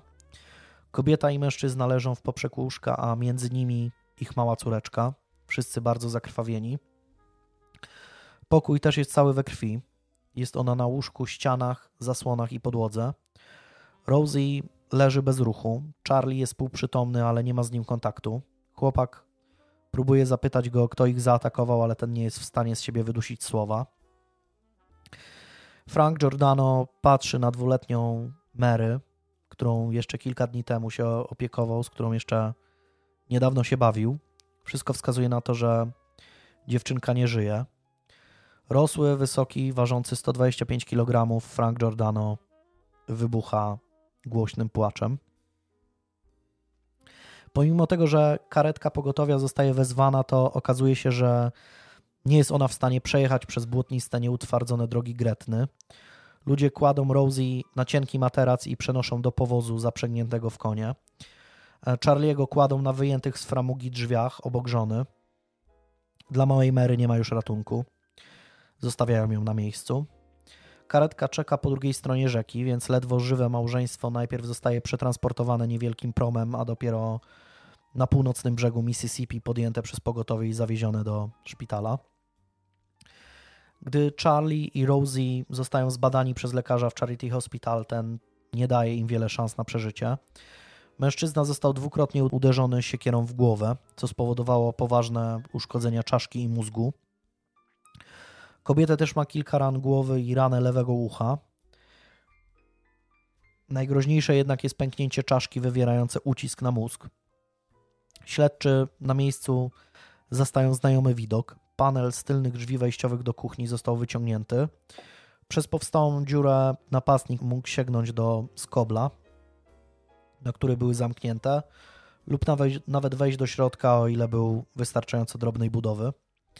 Morderca posłużył się też siekierą, która należała do Cortimiliów. Pomimo tego, że wszystko wskazuje na to, że jest to robota X-Mena, policja z jakiegoś powodu idzie zupełnie innym tropem. Pięć dni po ataku przedstawiciele biura szeryfa z triumfem ogłaszają, że za wszystko odpowiedzialny jest 17-letni Frank Giordano i jego prawie 70-letni ojciec Jorlando. Pomimo tego, że lekarze twierdzą, że zarówno Rosie, jak i Charlie są w tak poważnym stanie, że nie można ich zeznań traktować poważnie, to mm, i potwierdzają to też dziennikarze, którzy próbowali z nimi rozmawiać. Policjanci są innego zdania. Jeszcze tego samego dnia, w piątkowy wieczór, Frank zostaje aresztowany, a trzy dni później dołącza do niego jego schorowany ojciec. Policjanci twierdzą, że e, Rosie i Charlie mm, podczas przesłuchania w szpitalu wyznali, że, że zostali zaatakowani przez Franka i Orlando. Mniej więcej w tym samym czasie, bo 16 marca 1919 roku ma miejsce kolejna dziwna rzecz, na której masa źródeł skupia zbyt wiele uwagi. Otóż w nowoorleańskiej gazecie Times Picayune pojawia się list od X-Mena. Babam! A brzmi on tak. A listy, listy to jest najlepsza rzecz. Gdybym był seryjnym mordercą, to bym pisał listy. Listy są super. Tak jak ten, yy, jak on tam się nazywał? Yy, psychopata ciemności. O, o to też. Wiesz, listy, jak Kaczyński manifesty swoje pisał na przykład. Albo Zodiak. Zodiak właśnie, albo Kuba Rozpruwacz. No. Największe BDS-y, seryjni no. mordercy piszą listy zawsze. Listy to. Ale i tak jest super. psychopata ciemności na pierwszym miejscu, się długo, długo nie. no tak. Dobra. Więc list brzmi tak. Szanowny śmiertelniku, nigdy mnie nie złapali i nigdy im się to nie uda. Nigdy mnie nie widzieli, bo jestem niewidzialny. Tak jak eter otaczający waszą ziemię. Nie jestem istotą ludzką, lecz duchem, upadłym demonem z najgorętszego piekła. Jestem tym, którego wy, Orleańczycy, i wasza głupia policja nazywa X-Men. Gdy przyjdzie na to czas, znowu przyjdę i zażądam kolejnej ofiary. Tylko ja wiem, kim one będą. Nie zostawię żadnej wskazówki poza moją zakrwawioną siekierą, wysmarowaną krwią i mózgami tych, których wyślę na dół, aby dotrzymywali mi towarzystwa. Jeżeli chcesz, możesz powiedzieć policji, aby mnie nie drażnili. Oczywiście jestem rozsądnym duchem. Nie winię ich za to, w jaki sposób prowadzili swoje śledztwo w przeszłości. Właściwie byli tak głupi, że rozbawili mnie, e, rozbawili nie tylko mnie, ale także jego szatańską mość Franciszka Józefa itp. Franciszek Józef zmarł jakieś 3 lata przed, przed tym listem, dlatego to był taki w miarę świeży temat. Może dlatego. No nie, no bo nie bardziej rozbawiło to ITP.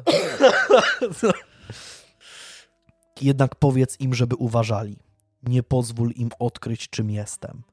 Ponieważ lepiej, żeby nigdy się nie urodzili, niż żeby poznali w gniew X-Mena. Nie sądzę, aby takie ostrzeżenie było konieczne, bo jestem pewien, że policja zawsze będzie mnie unikać. Tak jak to robili w przeszłości. Są mądrzy i wiedzą, jak trzymać się z dala od kłopotów. Niewątpliwie wy, Orleańczycy, myślicie o mnie jak o najokrutniejszym mordercy, którym jestem. Ale mógłbym być jeszcze gorszy. Jeżeli bym tylko chciał. Gdybym chciał, mógłbym odwiedzać wasze miasto każdej nocy. Zgodnie z moją wolą mógłbym uśmiercić tysiące waszych najlepszych obywateli, gdyż jestem w bliskiej relacji z aniołem śmierci. Dokładnie o 12.15 czasu ziemskiego, w nawiasie to jest napisane, było wiadomo. W następną czwartkową noc zamierzam ponownie nawiedzić Nowy Orlean. W mojej nieskończonej litości dam wam pewną propozycję.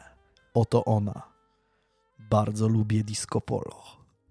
I przysięgam na wszystkie diabły w piekle, że oszczędzę każdą osobę, w której domu zabrzmi muzyka Zenka Martyniuka. Nie, nie mówi Zenka Martyniuka, mówi bardzo lubię jazz. I przysięgam na wszystkie diabły w piekle, że oszczędzę każdą osobę, w której domu zabrzmi muzyka jazzowa o porze, o której wspomniałem. Jeżeli każdy z was puści taką muzykę, no cóż, tym lepiej dla was, ludzie. Jedna rzecz jest pewna: jeżeli ktoś nie puści jazzu w czwartkową noc, jeżeli znajdzie się taki śmiałek, otrzyma cios siekierą. Ponieważ jest mi zimno i pragnę ciepła mojego ojczystego tartaru, skoro nadchodzi czas, kiedy mam opuścić wasz ziemski dom, zakończę swoją mowę. Mając nadzieję, że to opublikujecie oraz że wam to odpowiada, Byłem, jestem i będę najgorszym duchem, jaki kiedykolwiek istniał w rzeczywistości czy wyobraźni. Podpisano The X-Men. Wow! No oczywiście list jest super, naprawdę uwielbiam ten list. Jest mega. Nie wiem, jak Sam... ty znajdujesz te, te historie z tymi listami fajnymi. Może... Ale zawsze te listy są w takim samym no, tonie pisane. No. No. Jak psych, psycho, no. psychopata ciemności po prostu mhm. byłby dumny, nie? Może się stylizował trochę. Możliwe, możliwe. Y, no i oczywiście masa źródeł po prostu rozpisuje się na temat tego listu, kto to mógł napisać, dlaczego tak, a nie inaczej. A prawda jest taka, że najprostszym rozwiązaniem i najbardziej oczywistym i moim zdaniem jedynym jest to, że tego nie napisał X-Men oczywiście. Napisał to albo ktoś, kto sobie po prostu robił jaja, no tak jak najnormalniej w no, świecie. strollował tak? sobie. Wysłał do, e, bo to się zostało opublikowane w gazecie, więc e, wysłał list do jakiejś redakcji, żeby sobie zrobić jaja. Albo jeszcze bardziej um, i bo, po pierwsze, jest, ten list jest napisany starannym językiem, tak? Więc nie napisał. W tamtych czasach masa ludzi jest w ogóle analfabetami, tak? Nie, nie potrafi pisać, a co dopiero, nie wiem, nawiązywać do jakiejś mitologii, bo tam jest mhm. o Tartarze, tak? tak? Jest w, ktoś tutaj się dość mocno wzoruje na tym liście słynnym od Kuby Rozpruwacza, tak? Gdzie jest napisane From Hell. Mhm i ktoś, kto był jakimś zwykłym, nie wiem, rolnikiem, chłopem czy parobkiem, no to nie napisałby takiego czegoś, tak? Jest to ewidentnie ktoś wykształcony i ktoś, kto się inspiruje tego typu rzeczami, więc raczej nie jest to morderca. Pewną wskazówką co do tego, kto mógł być autorem tego listu, jest fakt, że jedyną osobą, która zyskała na publikacji listu, jest Joseph John DeVilla, czyli 35-letni autor zeszytu notowego z muzyką jazzową o tytule The Mysterious X-Men Jazz, e, Don't Scare Me Papa, który został wydany krótko po opublikowaniu tego listu, dosłownie, nie wiem, z tydzień czy dwa tygodnie później. I ten koleś sprzedał go w ogóle w jakimś tysięcznym tysiącach na nakładu, tak? Więc bardzo możliwe, że on chciał. Żeby go puścić w czwartek, tak? O 12.15. Tak, no właśnie pewnie, pewnie mogło mniej więcej o to, o to chodzić, tak? Że żeby zrobić e, szum wokół X-Mena, wokół jazzu i, i, i, i sprzedać to. Nie ma oczywiście na to żadnych dowodów, ale jest to bardzo, bardzo możliwe, bo facet był dobry w marketing i, i między innymi na przykład w, wynajął e, pianistę, który był wożony na takim powozie wzdłuż e, Canal Street, tej głównej ulicy w Nowym Orleanie i grał cały czas tę muzyczkę. Mogę nawet ją e, gdzieś tam później puścić, w, ją, ją później gdzieś tam, gdzieś tam dodam jakiś fragment może, to, to, to posłuchacie. No taki, taki jazzik, no.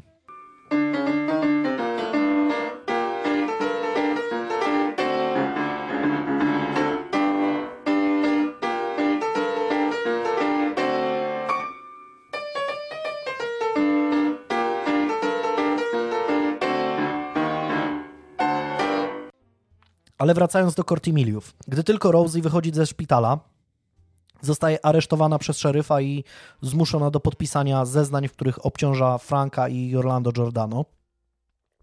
To pozwala na rozpoczęcie procesu, gdzie podczas rozprawy okazuje się, że kobieta no totalnie nie ogarnia, miesza wersje e, wydarzeń, mówi niespójnie, mówi niewiarygodnie. Mimo to obaj mężczyźni zostają uznani winnymi kilka miesięcy później praktycznie tylko na podstawie zeznań e, Rosie. 26 maja 1919 roku 17-letni Frank Giordano zostaje skazany na karę śmierci przez powieszenie, a Orlando Giordano na dożywotnią karę więzienia. No i na początku 1920 roku życie Rosie jest w zupełnej rozsypce.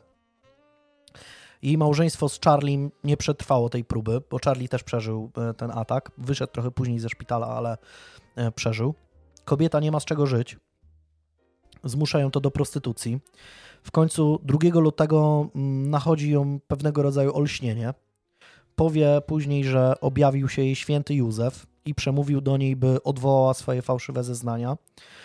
Kobieta mm, no właśnie to robi, to co jej powiedział święty Józef. Już na następny dzień podpisuje oświadczenie, w którym twierdzi, że tamtej nocy wraz z mężem i córką zostali zaatakowani przez dwóch wysokich, czarnowłosych mężczyzn z twarzami ukrytymi pod czerwonymi chustami.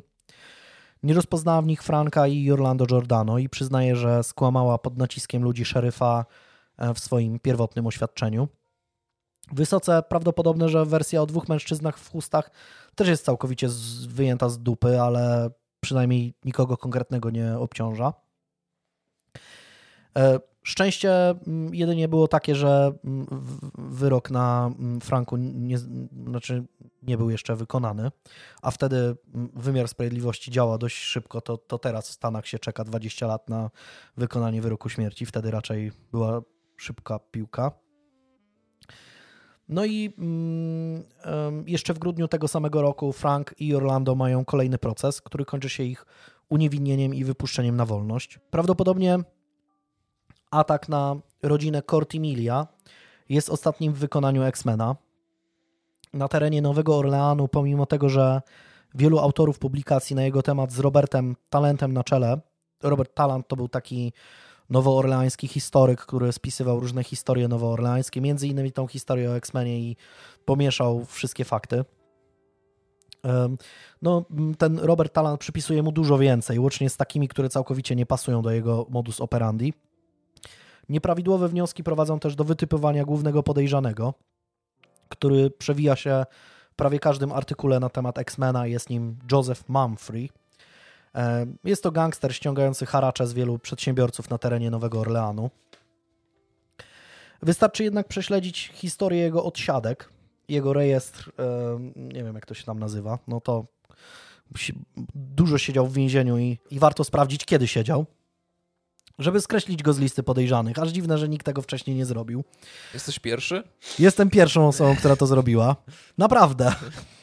Pierwszą, pierwszą w Polsce na pewno. Podczas pierwszych ataków, gdzie napadnięta zostaje rodzina Krutich i Rizettów jesienią 1910 roku e, i rodzina Davich w czerwcu 1911 roku, Manfrey przebywa w więzieniu od 1909 roku i opuszcza je dopiero w 1915 roku. Ale wraca do niego już rok później i wychodzi na wolność w kwietniu 1918 roku po ataku na rodzinę Andolina, więc pierwszych czterech zbrodni nie mógł po prostu wykonać, chyba że był właśnie tym duchem. Ponownie zostaje aresztowany 18 maja, pięć dni przed morderstwem Maggiów i siedzi tam przez trzy miesiące, więc co prawda nie jest dokładnie napisane, kiedy wyszedł, ale jeśli wszedł do więzienia 18 maja i przesiedział trzy miesiące, to prawdopodobnie siedzi w pace, gdy ma miejsce atak na Josefa Romano 11 sierpnia. No i naprawdę aż dziwne, że tego nikt nie sprawdził. Manfrey bez wątpienia był groźnym, bezwzględnym kryminalistą, ale bezsprzecznie nie był X-Menem. A nawet rok temu wyszedł film dokumentalny E, który się nazywa Mission Declassified i jest bardzo fajnie zrobiony. Zresztą pojawia się wywiad z kobietą, która w swojej książce opisała właśnie to, że Manfrey nie mógł być tym, tym. I ten gość, który zrobił ten film, nie zapytał się jej, ej, co, co sądzisz, że ten Manfrey, on by, mógł być? Ona by mu powiedziała, chłopie, nie, no bo przecież siedział w pierdlu przez po, połowę tego czasu, kiedy X-Men zabijał. No ale no, widocznie mm, nie było czasu na to, żeby pogadać jakoś bardziej e, szeroko na ten temat. Co więc stało się z X-Menem? Prawdopodobnie wyjechał z miasta. Podobne ataki po 1919 roku mają miejsce w innych zakątkach Luizjany. W grudniową noc 1920 roku w Aleksandrii, e, ponad 300 km od Nowego Orleanu, nieznany sprawca atakuje siekierą śpiące małżeństwo o nazwisku Spero. Nic nie zostaje skradzione z ich domu. Miesiąc później w The Reader trochę ponad 100 km od Aleksandrii wczesnym rankiem 14 stycznia 1921 roku. Sąsiedzi e, znajdują śmiertelnie rannego sklepikarza Giovanniego Orlando oraz jego ranną żonę i dwójkę kilkuletnich dzieci. Wszyscy mm, mają e, ślady, rany od uderzeń siekierą. Do ataku doszło około drugiej w nocy. Mężczyzna umiera na stole operacyjnym, jego żona i dzieci wychodzą cało. Znowu żadne kosztowności nie znikają z domu. Trzy miesiące później, około trzeciej nad ranem 21 kwietnia 1921 roku w miejscowości Lake Charles, 80 km od The Reader, siekierą zaatakowane zostaje małżeństwo Scalisi, posiadające niewielki sklep spożywczy. Mężczyzna zginął na miejscu, więc no, czy, czy, czy w tych wypadkach była to robota X-Mena? No, myślę, że bardzo możliwe. Bardzo możliwe też, że mm, atakował jeszcze wielokrotnie, ale z jakiegoś powodu wiadomości o tych wydarzeniach nie przebiły się do prasy albo z jakiegoś powodu nie są dostępne dla obecnych historyków, badaczy. Możliwe też, że E, jego szczęście w kwestii ucieczek w pewnym momencie po prostu się skończyło i został zastrzelony przez którąś ze swoich potencjalnych ofiar lub trafił do więzienia. Dlaczego zabijał też jest w dużej mierze zagadką. Nie trudno dostrzec jednak pewną prawidłowość. X-Men najpierw brał na celownik mężczyzn, mm, kobiety zazwyczaj były atakowane niejako z konieczności. Dzieci zazwyczaj napastnik zostawiał w spokoju lub traktował dużo łagodniej. Śmierć małej Mary Cortimilia być może była do jakiegoś stopnia przypadkowa. Warto zwrócić uwagę też na, pod, na, na postęp w brutalności jego czynów. Bardzo możliwe, że przyszły X-Men był zwykłym złodziejaszkiem, który w pewnym momencie był zmuszony zaatakować zaalarmowanych mieszkańców domu, który obrabiał. E, być może mm, poczuł przyjemność z zadawania cierpienia, z władzy nad ludzkim życiem, jakie dawało mu ostrze Tasaka, a później siekiery. Wiemy też sporo o jego wyglądzie. Był prawdopodobnie białym mężczyzną w wieku od 30 do 40 lat. E, gdy rozpoczęły się ataki w, lat, w latach 1910-1911, mm, możliwe, że na początku używał tasaka z racji zatrudnienia w jakimś zakładzie rzeźniczym. Po sześcioletniej przerwie zaczął używać już siekiery. W tamtych czasach każdy przed lub za domem trzyma przynajmniej jeden toporek. Napastnik więc korzysta z narzędzia zbrodni dostępnego na miejscu, nie musi go kraść z jakichś stoisk rzeźniczych czy kupować. Dlaczego ofiarami byli akurat włoscy sklepikarze? No, imigranci z Sycylii są traktowani w tym czasie prawie jak niewolnicy, gdy zaczynają coraz bardziej usamodzielniać się w wyniku ciężkiej pracy i gdzieś tam wspinać się po społecznej drabinie Nowego Orleanu wielu mieszkańcom się to bardzo nie podoba. Być może przyszły X-Men został w jakiś sposób źle potraktowany przez któregoś z Włochów. Może doświadczył jakiegoś życiowego nieszczęścia, za które w swoim mniemaniu obwinił imigrantów, co trafiło na grunt jakiegoś rodzaju zaburzeń i eskalowało aż do tego stopnia. E, pewne jest jednak to, że nienawidził ich jako grupy. Nie znał raczej żadnej ze swoich ofiar, nie miał z nimi prywatnych zatargów. Z pewnością chodziło tu o uderzenie konkretnie w sycylijskich sklepikarzy i wzbudzenie przerażenia w ich szeregach. No ale wszystko wskazuje na to, że tożsamości tajemniczego X-Mena nigdy, nigdy nie, nie poznamy. Może za jakiś czas znajdzie się jakiś artykuł gdzieś w jakiejś gazecie sprzed, sprzed lat, nie wiem, z, z 1922-23, gdzie będzie można połączyć e, kolejne sprawy z e, X-Menem. No ale wszystko wskazuje na to, że albo zakończył swoją działalność, albo bardzo możliwe, że trafił do więzienia i tam zmarł, albo został przez kogoś zabity. Być może się, się tego już nigdy, nigdy nie dowiemy. Jeśli chodzi o jeśli chodzi o źródła, to moim podstawowym źródłem była właśnie książka Miriam e, Davis, która mm, jako chyba jedyna e, autorka zajmująca się sprawą X-Mena w końcu wzięła mm, dokumenty, które były po prostu dostępne w nowoorlańskiej bibliotece, e, łącznie z protokołami z sekcji zwłok, łącznie z protokołami z oględzin miejsca zbrodni, co wyda wydawać by się mogło dość oczywiste, ale zostało to dopiero zrobione w 2017 roku, a przynajmniej w 2017 roku pojawiła się książka na temat X-Mena, gdzie te wszystkie rzeczy są zawarte i jest ona naprawdę nieocenioną, nieocenionym źródłem. Oczywiście jest w tej książce jeszcze cała masa dodatkowych rzeczy. Ta, ta sprawa i tak za, zajęła mi dużo czasu, a, a opowiedziałem ją, wydaje mi się, że skrótowo. Jest tam opisany też cały proces, który, mm, przez który mm, e, musieli przebrnąć e, e, Frank Giordano i jego ojciec zachowało się, zachowały się protokoły z tej rozprawy, gdzie praktycznie cały ten proces krok po kroku jest opisany. Więc jeśli kogoś zainteresowałem tą sprawą, jeśli ktoś chce się dowiedzieć jeszcze więcej, to zapraszam do, do e, kupienia sobie tej książ książki na e, Amazonie. Między innymi jest ona dostępna w e-booku i tak ją czytałem. Co więcej, na naszym Facebooku, czy tam Instagramie i tak dalej, umieszczę umieszczę zdjęcia, których o dziwo jest dość sporo i e, op, poza tą książką one się, większość z nich się chyba praktycznie nigdzie nie ukazała, bo e, były one, czekały one na autorkę w gazetach po prostu starych, których nikt, nikt nie, nie czytał widocznie i nikt się nimi nie interesował. I można zobaczyć między innymi, jak, jak wyglądały miejsca, gdzie doszło do ataków, jak wyglądały ofiary.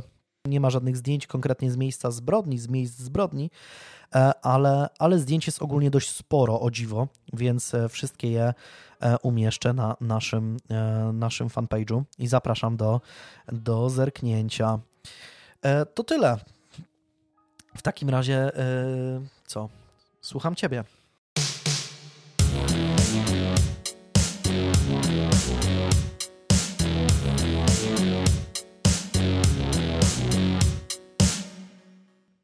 Ja w dniu dzisiejszym mam przygotowane dwie podobne sprawy, które łączy kilka wspólnych mianowników. Te wspólne mianowniki też się łączą e, w dużym stopniu z tą historią, którą ty opowiedziałeś, więc, więc fajnie się to zgrywa sam pomysł połączenia tych historii też nasunął mi jedno ze źródeł, dlatego też od razu, od razu odsyłam, e, tak jak ty odsyłałeś na Facebooka, czy na nasz opis na, na, na YouTubie. No, pamiętajmy, że nasza praca to jest praca odtwórcza tak naprawdę i, i patrzy, powinniśmy zawsze zerknąć w te źródła i tam gdzieś sobie naprawdę, jak ktoś jest zainteresowany, to niech tam naprawdę sobie zerknie i, i poczyta, bo często te sprawy my trochę robimy po łebkach, nawet jeżeli ktoś jest tak mocno przygotowany jak Grzegorz i opisuje to dosyć, dosyć długo, no to jednak, jednak w tych książkach często jest, jest dużo więcej informacji. Y, zacząłem trochę grzebać y, i okazało się, że jedna z tych spraw, o których chcę wspomnieć, nie została jakoś szczególnie opisana na poletku podcastowym naszym polskim. Oczywiście można mnie poprawić y, w komentarzach, bo jakoś się świetnie nie znam na tym, co jest i co było wydawane. No, pożytkowałem się tylko i wyłącznie wyszukiwarką YouTube'a i próbami wpisywania słów kluczy. A dziwne jest to głównie dlatego, że iż jest to historia, od której tak naprawdę zaczęło się takie zainteresowanie true crime'em w takim szerszym kulturowym znaczeniu. A że źródła są wybitne, w szczególności e, jest to książka, o którą zahaczę i z której tak naprawdę kojarzy ten temat. I pewnie wiele osób kojarzy ten temat z, głównie z tej książki to z całego serca polecam się nią, nią zająć, by opracować ją jak można superancko, bo, bo ja to trochę polecę po łebkach, bo chciałbym to e, przedstawić tylko na podstawie porównania ze sprawą, którą później przedstawię e, z naszego polskiego podwórka. No i ta książka też jest takim punktem startowym, od którego w jakimś stopniu rozpoczęło się to takie z przymrużeniem oka rozkochanie mieszkańców USA w True Crime. No tak jak mówię, ja podejdę trochę po macoszemu. Mam nadzieję, że ktoś się kiedyś poważnie tym zajmie, bo naprawdę źródła są super. Także zacznijmy. Było około północy, a dwóch mężczyzn podjeżdżało na miejsce docelowe z włączonymi światłami. Zawahali się, widząc jak w nieodległym domku zapala się i gaśnie światło. W końcu zawrócili, ale jednak uznali, że za dużo już włożyli zaangażowania w tę robotę, żeby teraz tak łatwo odpuścić. Skończyli flaszkę, tak dla większego kurażu, ze sobą zabrali rękawiczki, nóż, latarkę i strzelbę. Podeszli pod dom i do środka dostali się bocznym wejściem. Miasteczko było takim mega spokojnym miejscem, więc wiele osób nie zaprzątało sobie głowy tym, żeby zamykać drzwi. W sumie co tam mogło się stać.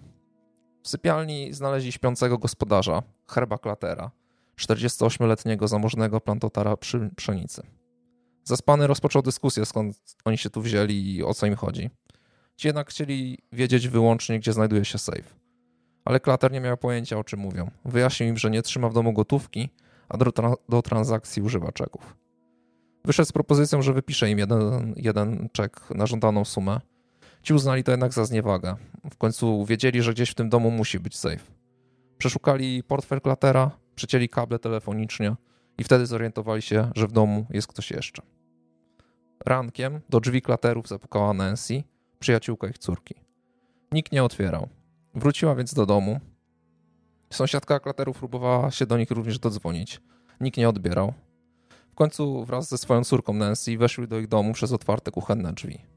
Na górze znalazły ciało. Pierwsze z czterech. Imienniczka yy, Nancy, yy, ta przyjaciółka, yy, czyli Nancy Klater, nastolatka w wieku szkolnym, leżała w swoim łóżku twarzą do ściany. Miała na sobie szlafrok, piżamę i pantofle. Ręce skrępowano z tyłu, kostki u nóg związano linką. Na ścianie było pełno krwi. Ktoś strzelił dziewczynie w tył głowy z bliskiej odległości. Kenionowi, jej o rok młodszemu bratu, strzelono prosto w twarz. Leżał na kanapie, ręce i nogi związano w pętle. Głowę miał na poduszkę, którą jakby celowo ktoś podłożył. Pani Clatter, matka Nancy i, i Kenyona, miała otwarte oczy, gdy ją znaleziono. Sprawcy przywiązali ją do poręczy łóżka, ręce i nogi również związali, a usta zakleili taśmą, którą tak w nawiasie mówiąc podobno siła wystrzału miała częściowo oderwać. Jako ostatniego znaleziono jej męża, który zginął jako pierwszy. Ciało było w kotłowni, krwi było znacznie więcej. Zanim sprawcy użyli broni palnej, poderżnięto mu gardło. W Holocomb mieszkało wtedy jakieś 270 osób. Wielu z nich przybyło pod dom klaterów od razu po niedzielnej mszy. Bonnie Klater e, ciągle miała na sobie biżuterię i pieścionki, gdy ją znaleziono. Niewiele więc wskazywało na motyw rabunkowy. Sprawcy rozpłynęli się w powietrzu. Początkowo wręcz nie było wiadomo, czy brała w tym udział jedna czy więcej osób. Niewielka i spokojna społeczność zamarła, obawiając się, że zabijał psychopata i że mógłby to zrobić ponownie. Nadszedł w końcu czas zamykania drzwi, zostawiania świateł zapalonych na noc, a przy łóżkach zaczęto trzymać naładowaną broń. Miesiąc później w Holocomb pojawił się pisarz Truman Capote. Przeczytał o zbrodni w New York Timesie i zgłosił redakcji e, prestiżowego tygodnika New Yorker pomysł na reportaż. To miała być opowieść o ofiarach zbrodni i jej wpływie na społeczność Holocomb. Dla Capote to była daleka podróż i dosłownie i w przenośni. Po pierwsze sunął wówczas na fali popularności e, śniadaniu Tiffany'ego i zachwytów nad jego bohaterką. Zwrot pisarza w stronę literatury faktu, a tym bardziej tematyki kryminalnej był trochę zaskakujący. Po drugie, nie tylko z punktu widzenia jakby Nowego Jorku Holocomb było miasteczkiem położonym gdzieś tam i trochę zapomnianym, takim trochę, no nie wiem, Stanów Zjednoczonych. Po trzecie, przybysz w postaci Capote, czyli takiego niskiego, y, od dziecka wyśmiewanego jako zniewieściałego, z wysokim głosem, uchodził tam początkowo za istotę jakby z innej planety. Na szczęście Capote udał się do Kansas razem z przyjaciółką, pisarką y, Nellie Harper Lee.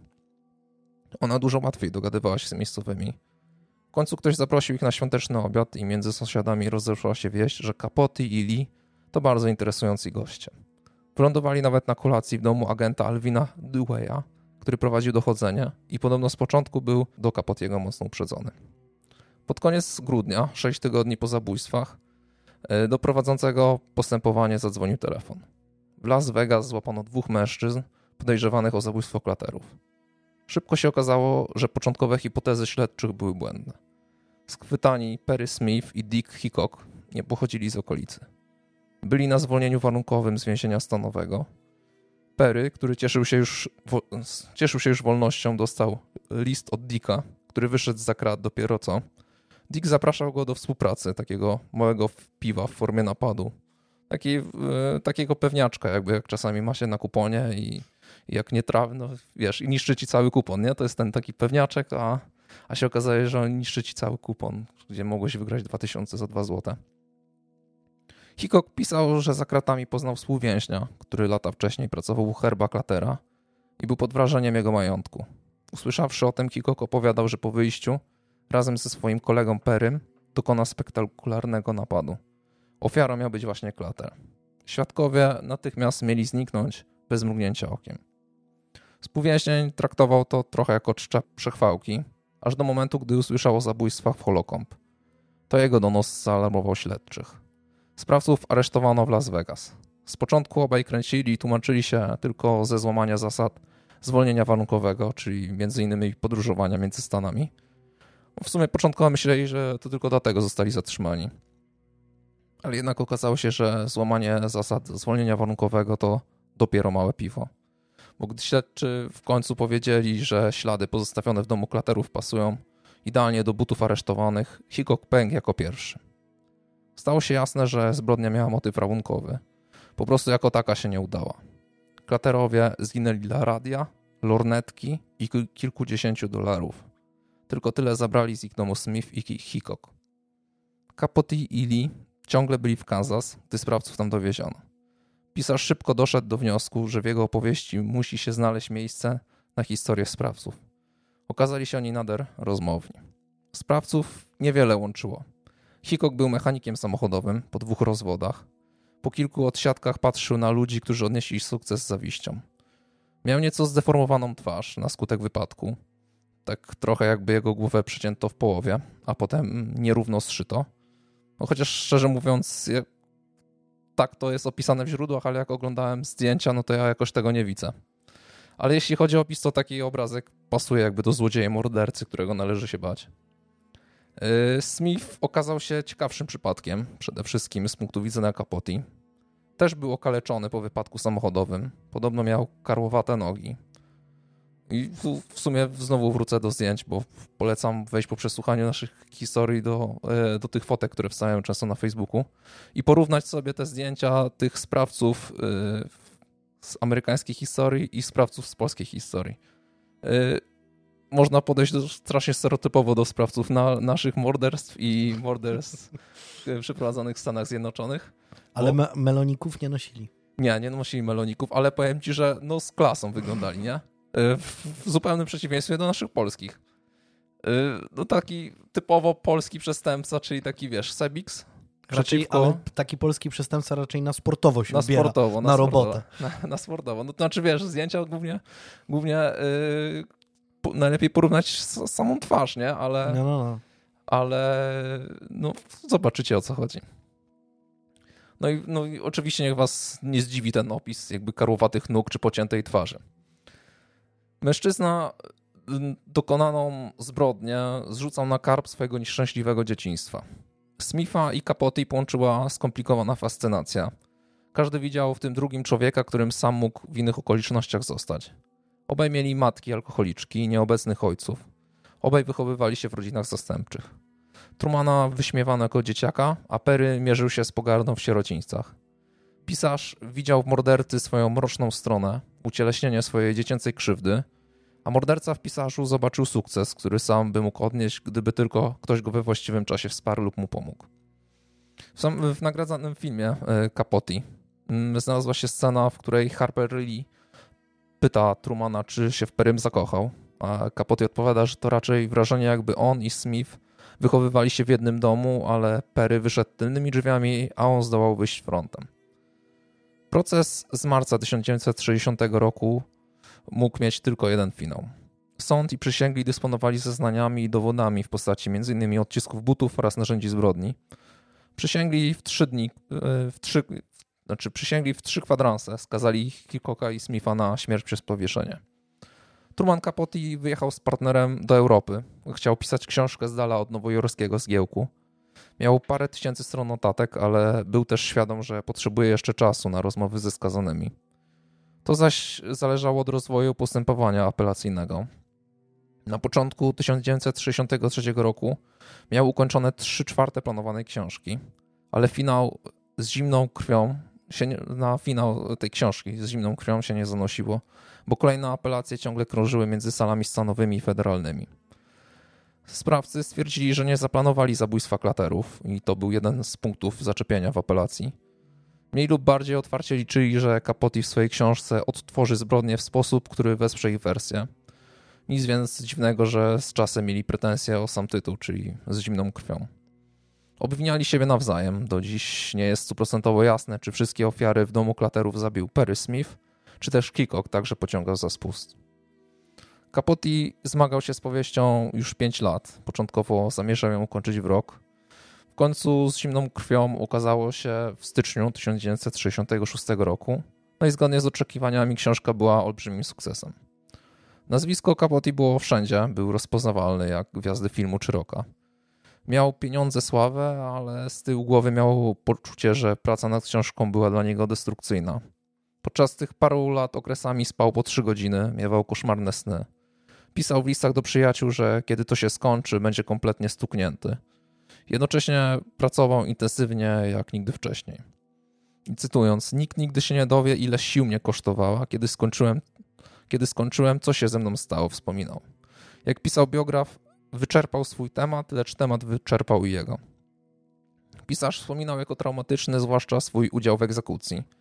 Po ogłoszeniu jej ostatecznego terminu Sprawcy próbowali się z Kapotim skontaktować. Chcieliby coś zrobił, by jeszcze ją odroczyć.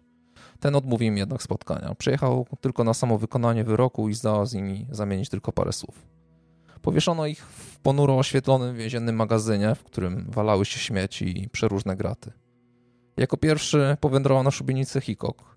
W ostatnich słowach powiedział: Nie mam żalu do nikogo, wysyłać mnie po prostu do lepszego świata. Gdy karawan wywiózł zwłoki, przyprowadzono Perego Smitha. Cytując, bezsensowne byłoby teraz przepraszanie za to, co zrobiłem. Nawet niewłaściwe. Ale mimo wszystko tak zrobię. Przepraszam. Powiedział do zebranych chwilę przed tym, jak Kat założył mu na szyję stryczek, a na głowę czarną maskę. Był 14 kwietnia 1965 roku. Ciała pochowano na cmentarzu w pobliżu więzienia. Pojawiły się tam po jakimś czasie granitowe tablice. Zapłacił za nie 70 dolarów i 15 centów Truman Capote. Czyli w skrócie, dwóch recydywistów zamordowało całą rodzinę, dwoje dorosłych i dwoje 16 i 5-letnich dzieci. Przez długi czas policjanci nie mogli ująć sprawców, bo nie do końca był znany motyw rzezi. Z domu na farmie państwa klaterów zginęły przenośne radio, lornetka i niecałe 50 dolarów. Mordercy chcieli po prostu obrabować safe. Nie wiedzieli jednak, że w tym domu sejfu nie było. Zabili wszystkich strzałem w głowę, żeby pozbyć się świadków kradzieży radia. Po sześciu tygodniach śledztwa i poszukiwań zostali odnalezieni i wrócili tam, gdzie się poznali, czyli do więzienia stanowego. Tam też po kilku latach ich powieszono. I to czas przenieść się do naszego pięknego kraju nad Wisłą, tu gdzie można spotkać łosie, jelenie, sarny, dziki, lisy, borsuki, kuny, jenoty, wilki, szumlińskie, kanie, rachonie. z ptaków, kuropatwy, bażanty, dzikie kaczki, gęsi, łyski, bekasy i cietrzewie. Mamy jednak poważne obawy o dalszy los cietrzewie. No, Cietrzewia to dłuższy temat, więc odpuścimy na następny raz. Ale dokładnie przeniesiemy się do małej podkarpackiej wsi Siedliska Bogusz, bo najprawdopodobniej tam poznają się Krzysztof Rogus oraz Dawid Pędzik. Obydwoje są takimi przykładowymi typami spod ciemnej gwiazdy. Rogus już jako nastolatek trafił do schroniska dla nieletnich za usiłowanie zabójstwa, gdy chciał zatłuc siekierą starszą kobietę. Ukończył wyłącznie szkołę podstawową, a pracował jako stolarz. Jego starszy o 5 lat kolega Dawid był natomiast zawodu kucharzem. W swoim 24-letnim życiu był już dwukrotnie, dwunastokrotnie karany m.in. za rozboje, pobicia, kradzieże, prowadzenie samochodu pod wpływem alkoholu czy handel dopalaczami. Najprawdopodobniej w trakcie jednej z kolejnych libacji rodzi się ich diabelski plan. No, może plan akurat to za wielkie słowo, wpadają po prostu na, na pewien pomysł. Jako, że wiedzą już co to kradzieże i rozboje oraz poznali świat po drugiej stronie krat, decydują, że i tym razem pójdą tą samą znaną im drogą, ale tym razem pójdą dużo dalej. Z początku poszło o siostrę Rogusa. Ta wyszła za Krzysztofa Kurcza, który mieszkał na obrzeżach wsi i z którymi to miała dzieci. Popiła czasem, towarzysko zaproszona, wracała do domu, do męża, a czasem nawet wracała większą ekipą. Lubiła towarzystwo, jednak nie do końca chyba podobało się to jej mężowi. Z jakiegoś powodu przestało im się to całe, przestało im, ale głównie jemu się to całe małżeństwo podobać. Nie układało im się i dlatego w końcu Krzysztof zażądał rozwodu, a żona wraz z dziećmi wyprowadziła się ich z wspólnego domu na obrzeżach wsi. Ta piękna już prawie ex-żona i jej młodszy brat Krzysztof pochodzili z domu o bogatej tradycji alkoholowej swojego ojca widywali. Bogata tradycja alkoholowa, ba bardzo ładnie y, ujęte. Dziękuję. Dziękuję. Swojego ojca widywali najczęściej pod sklepem. Ojciec zwykle był pijany i najczęściej bywał wręcz nieprzytomny. A wtedy potrafił mu się włączyć agresor.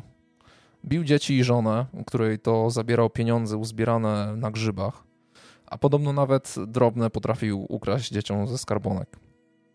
Mały Krzysztof Rogus zaczął pić jako dziecko. Miał ze 14 lat, kiedy zaczął się zataczać, a 16 lat jak regularnie polegiwał w okolicznych rowach. Dawidowi podobała się starsza siostra Krzysztofa, która to właśnie rozwodziła się z mężem. Zabrała już od niego dzieci i wróciła do matki. Prawdę mówiąc, y, to wyrzucił ją mąż, który miał już w sumie dosyć ciągłych wizyt wiecznej pijanej rodziny oraz jej znajomych, którzy wesołym, takim weselnym pytonem ciągnęli tam prosto spod sklepu. Mąż okazał się w ogóle sknerą i kutwą, bo podobno żałował żonie nawet 2 zł i 70 groszy na piwo. Straszny sknera. W jakich latach to jeszcze raz? Yy, to jest jeszcze dwa, niecałe 2000, to jest 2009 dokładnie. O. Więc y, wiesz co, 2,70 za piwo Myślałem, w tamtym okresie lat... to jest takie lepsze piwko, nie? To nie jest, Myślałem, to że jest... lata 90 to wręcz kraftowe piwo by nie, było. Nie, nie, nie, to jest no raczej, to, to nie jest taki typowy, no nie, to nie, nie jest kuflowe, nie? nie? No, nie sikacz jakiś najgorszy.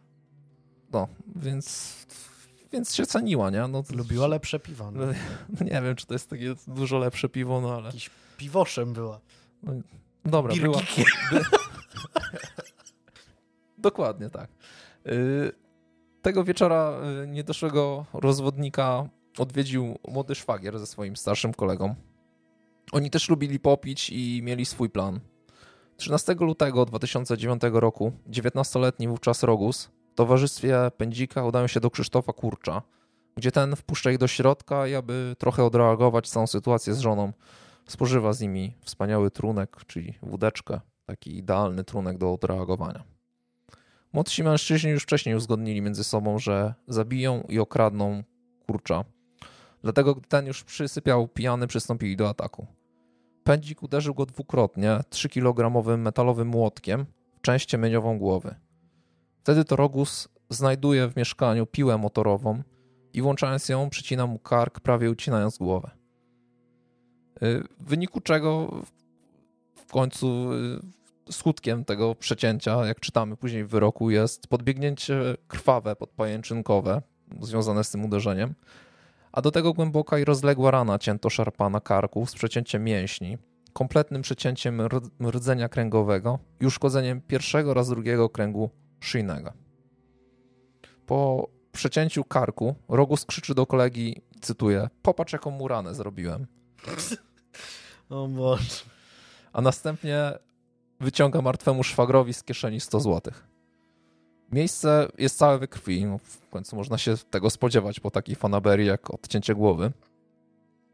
Pędzik pali swoje zakrwawione buty w piecu, po czym obaj udają się nad rzekę, aby tam, jak tacy prawdziwi profesjonaliści, prawdziwi kryminaliści, pozbyć się dowodów. Nie jest to jednak jakaś rwąca rzeka, raczej taka malutka rzeczka typu, nie wiem, Fryba. A więc skoro to nie fale Dunaju. nie wszyscy nasi słuchacze muszą znać rzeczkę Fryba. No ale no to jeżeli już nazwiemy to rzeczką, to chyba można sobie to wyobrazić, o co tak, chodzi. No. Jak pisze, jak się, no nie wiem, może fryba, to załączymy do, do, zdjęcia fryby do, do, do, do, naszych, do naszych tych e, no. f, f, facebookowego posta. No to skoro to nie, to nie, to nie są fale Dunaju, o których, o których wspomniałem, yy, no to siekiera i piła nie giną w odmętach wody. Pozbywają się więc nieudolnie narzędzi zbrodni i korzystając ze zdobytych pieniędzy udają się do sklepu dokupić trochę alkoholu. Po zakupach najlepszym miejscem wydaje im się powrócenie do domu Krzysztofa Kuracza. Przykrywają go kołdrą, by nie musieć na niego patrzeć, gdy ponownie będą raczyć się wspaniałą, białą, zmrożoną substancją. Czarodziejka gorzałka. Tańczyła. jako iż mamy 2009 rok, to za 100 zł można było wtedy naprawdę dobrze zabalować. Szczególnie jak się tam nie raczyło jakimiś najlepszymi trunkami. No, jak wódeczkę kupiłeś raczej taką niższych lotów, no to mogłeś, mogłeś trochę poimprezować. Dlatego mężczyźni w towarzystwie Denata z ledwo zwisającą głową imprezują jeszcze przez trzy dni. Przeszkadza im w tym tylko raz na jakiś czas matka kurcza, która dzwoni na jego telefon.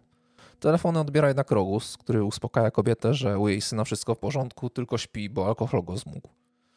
I tłumaczy to tak, że w ciągu dnia on po prostu odsypia to, jak sobie popił i normalnie jest na chodzie w nocy, a ona po prostu nie jest w stanie w nocy zadzwonić, no bo ona, bo ona kima, więc no takiej to wszystko tłumaczy. Stała się wtedy rzecz w sumie najgorsza, bo każda impreza musi mieć niestety swoją metę. Gdy w końcu kończą im się pieniądze na wódkę, postanawiają działać, by tę metę oddalić jednak trochę w czasie. Udają się więc do sąsiedniego domu, gdzie mieszka 75-letnia Aniela Kurcz, czyli ciotka zamordowanego. Z 75-letnią kobietą również nie mieli większych skrupułów. Była to tak, no taka zwykła babcina, taka wiesz, pani hodująca po largonie i siadająca z tyłu za kierowcą autobusu. No taka miła, sympatyczna pani, którą spotkasz na działeczce. Młodzi jednak no nie mieli żadnych skrupułów. Zaczęli od zasłonięcia okien, chociaż drewniana chatka również stała na uboczu wsi. Dostała, najpierw dostała cios w twarz taki, że późniejsza sekcja zwłok wykazała złamanie nosa z przemieszczeniem. Potem, grożąc kobiecie siekierą, mężczyźni wyłudzili od niej 2,5 tysiąca złotych. Kiedy staruszka usiłowała tłumaczyć, że nie ma więcej, ci nie chcieli wierzyć. Tak jak Perry i Dick nie wierzyli, że, że katerowie nie mają żadnego sejfu, tak ci nie wierzyli, że ona może mieć tylko 2,5 tysiąca złotych oszczędności. Kopali ją po brzuchu, głowie i plecach. Kobieta doznała pęknięcia ściany żołądka, złamania żebra i obojczyka, ale jeszcze żyła. Wtedy pędzik przytrzymał ją za nogi, a jego młodszy kolega ściągnął jej majtki i zgwałcił. Potem jeszcze trzy razy walnęli w tył głowy siekierą. Później przeszukali jeszcze dom, w którym udało im się znaleźć 5 kg cukru. Wzięli całe 5 kg. Kurde, jaki skok. No nie. No, można bimber zrobić, nie? Z cukru. Wiele rzeczy z cukru można zrobić. No tak, no. Jak masz jeszcze herbatę, no możesz sobie posłodzić herbatę. Możesz dużo karmelu zrobić. Bardzo dużo karmelu. E, opuścili miejsce zbrodni i tradycyjnie udali się do sklepu. Za zrabowane pieniądze kupili alkohol. Wypili, no ale teraz już nie stracili całej kasy. Ale mimo, że nie zrobili już kilkudniowej imprezy, to postanowili, postanowili udać się do kolejnego domu na upoczu. Mm, zaczęli działać w stylu. Kto umrze, to umrze i trudno. 17 lutego zapukali do 79-letniej Zofii, która to, którą to poprosili o wodę, twierdząc, że wyczerpała im się chłodnica auta. Gdy tylko upewnili się, że, że staruszka jest sama w domu, wbili do domu i tam grożąc nożem zarządzali wydania pieniędzy. Staruszka oddała im tysiąc złotych. Ci jednak nie wierzyli cały czas, że to wszystko tak samo jak w poprzednim przykładzie. Związali ją sznurem i kablem elektrycznym. Jako iż rzeczywiście okazało się, że nie znaleźli nigdzie, nigdzie indziej więcej pieniędzy, nakryli jej głowę swetrem i ponownie jak w poprzednich przypadkach dwukrotnie uderzyli ją obuchem siekiery w głowę. A później oczywiście udali się do sklepu po alkohol. Pierwsze odnalezione ciało należało do pani Anieli. Odkryła je sąsiadka. Potem ciało pani Zofii znalazła pracownica ośrodka społecznego, która odwiedzała samotną staruszkę. Matka Tomasza zastała przed domem syna radiowóz na sygnale. Po pięciu godzinach śledztwa policja pojmała zabójców. Nie byli daleko. Tacy przestępcy udają się najwyżej do najbliższego miasta, żeby zrobić tam jakiś niewielki interes, tam skroić radio, czy ze sklepu tam wynieść nowe jeansy, no po prostu, czy pójść na chlanie. No tutaj jest najłatwiejsza, najłatwiejsza droga, czyli pójście na chlanie. Ci udali się więc do najbliższego monopolowego, gdzie ku ich zdziwieniu odnajdują ich organy ścigania. Do poszukiwań właśnie w takich przypadkach nie są zwykle potrzebni jacyś profilerzy, czy, którzy opracują portret psychologiczny, yy, jakieś tam, wiesz, określenie wieku, wykształcenia, jakby miejsca, z którego pochodzi. No wystarczy, wiesz, zrobić, zrobię, zrobić obławę na monopolowy i czekać. No i tutaj takie nieskomplikowane metody operacyjne zadziałały. No i nie oszukujmy się, że tak jest często. Sprawcy, jako że zwykle widywani byli w sklepie, gdzie to policjanci zdecydowali się urządzić właśnie tam obławę, gdyż było wręcz więcej niż pewne, że tam jeszcze wrócą. No i wrócili. Mężczyźni przyznali się do wszystkich zarzucanych im czynów, ale odmówili składania wyjaśnień. Obydwaj zabójcy za każde z popełnionych zabójstw dostali karę po 25 lat pozbawienia wolności. Dodatkowo przyznano im kary za rabunek, pobicia, gwałt, co oznaczało sumarycznie po prostu dożywocie. Sędzia postępowania, prowadzący postępowanie uzasadniał. Każda zbrodnia jest tragedią, jednakże oskarżeni działali z rozmysłem, wyrachowaniem, na zimno, nie okazywali żadnych oznak wyrzutów sumienia. Potrafili wrócić na miejsce przestępstwa, spożywać alkohol obok zwłok. To wszystko świadczy o wysokim zdemoralizowaniu oskarżonych. Sąd zezwolił również na publikację pełnych danych oraz wizerunków oskarżonych. Jednego i drugiego można znaleźć w publicznym rejestrze sprawców przestępstw na tle seksualnym, który działa w Polsce od 2018 roku. O matko. Te polskie sprawy zawsze jakoś tak kurde bolą dwukrotnie, dwa razy bardziej, nie wiem.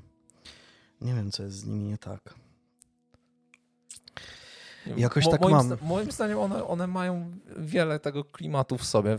Wie, wiem, że rzadko kto się bierze za polskie sprawy, szczególnie w polskim, na polskim jakby świadku tym podcastowym. To- to nie jest jakoś- No... To znaczy... To nie jest zbyt popularne zabierać się za polskie sprawy. One mają coś w sobie. Cza- Czasami nawet y, mają coś w sobie. To trochę źle brzmi, nie? No ale bardzo często są to takie sprawy, które raczej nie trafiają gdzieś do mm, podręczników e, kryminologii, tylko no tak jak Mhm. mówisz, nie? E, wódka, mm, dwóch chłopów i nóż i, i nieszczęście gotowe, nie? E, No tak, tak, tak, tak, mi, się, tak mi się wydaje. Ale, ale zobacz, zobacz tą, tą historię całą ze Stanów, nie? To jest też historia na zasadzie dwóch chłopów, nóż i Tak, chcemy tak, tak, no. safe, a jednak zostaje tak naprawdę takim no, punktem, no kamieniem milowym tak naprawdę, jeśli chodzi o true crime, o taką... No tak, no z zimną krwią to no to książka, no, która do teraz jest wymieniana jako jakby no, klasyka w ogóle, jako jedna z, chyba pierwsza w ogóle książka jest- tak, taka, tak, tak. Z, która rozpoczęła gatunek true crime w ogóle. Dokładnie, Nie? Re, mhm. reportaż e, na temat przestępstw, na Literatura, temat... fu- literatura faktu właśnie oparta na, Tak, na, takim, no, na tym true crime? No, więc tak, no i film o Tr- Trumanie Capote jest, e, jest świetny. E, Zresztą Trumana gra Philip Seymour Hoffman. Tak. Ja dostał Oscara chyba nawet za tą rolę. Tak, tak, kojarzę. tak. No, nieży, nieżyjący już. Naprawdę, naprawdę dobry film. E, No tak, no i śniadanie, śniadanie u Tiffany'ego też, też, też jego książka. Trochę się zestarzała i film też się trochę zestarzał, moim, moim zdaniem, ale, ale no. Sprawa, sprawa, no nie wiem, zawsze te jakieś takie gwałty na starszych paniach i tak dalej, to jakoś mnie zawsze aż... No, dobrze, że my nie monetyzujemy naszych, tych, naszych podcastów, bo pewnie to by, to by od razu wyłączyło jakąkolwiek Czy teraz to praktycznie, teraz to wszystkie te, y, to znaczy filmy, gdzie jest motyw jakiegokolwiek morderstwa, to są demonetyzowane od razu, więc, więc Mhm. raczej i tak ciężko, ciężko żyć z tego e, na, na YouTubie. Z tego, co słyszałem, to właśnie e, słowo gwałt samo to jest od razu czerwona lampka. Nie? Gwałt to jest też takie- możliwe. No, no, no podobno są tam jakieś, e, jakieś słowa, mm, które, Zakazane. które są wychwytywane. Więc e, no, ale my w ogóle nie, nie, nie mamy włączonych reklam. Może nie wiem, może za jakiś czas mm, faktycznie się zdecydujemy na tego, na tego Patronite'a. Zobaczymy, zobaczymy, e, bo to trzeba też sensownie, sensownie przemyśleć, mm, a nie tak, że po prostu dajcie nam swój, swój hajs Jelo. i elo. E, więc, więc no też chcielibyśmy na pewno dać coś e, w zamian. Tak, jeśli chodzi o rzeczy, to mówiłeś, że zdjęcia są, tak. Źródła Pewnie, pewnie. oczywiście do obu spraw znajdziecie mm, na YouTubie pod filmikiem. Na Spotify też chyba dajesz pod filmikiem, nie? W opisie chyba. E, Nie, właśnie, Nie, nie właśnie nie, bo Spotify ma taki, tak, taką, takie dziwne coś, że nie pozwala zrobić na przykład listy, Aha. e, tylko wszystko ciągiem jest i to wygląda za niczym, dlatego na Spotify nie robię, ale wszystkie źródła znajdziecie na Facebooku, na, na naszym fanpage'u, tam wszystkie są i na YouTubie w opisie, w opisie filmu. Dajcie Jeszcze- znać, jak, jak, jak ten dźwięk, bo dzisiaj nagrywam na, na Tak, totalnie tak, tak. innym Na, sprzęcie. nagrywamy na innym sprzęcie. Mam nadzieję, że to e, słychać. Był czas, że dostawaliśmy dużo fanartów i one były super i fajnie by było, gdybyście, gdybyście przysyłali, przysyłali ich więcej, przysyłały ich więcej, bo, bo naprawdę sprawiają nam całą masę masę radości i czekamy na nie z utęsknieniem. E, Te, te, te, te fanarty są, są naprawdę świetne. E, No tak, i to, i to wszystko. To chyba będzie najdłuższy e, odcinek w historii, mm, w historii naszego podcastu. No Ale chyba, żeby myślę, że- 31 sumować, pewnie jakby podzielić tą A i B. No właśnie nie wiem, No nie wiem. jakby to, jakby to wyszło. No zaszalałeś dzisiaj, zaszalałeś. Podobało mi się to. Podobało Ci się?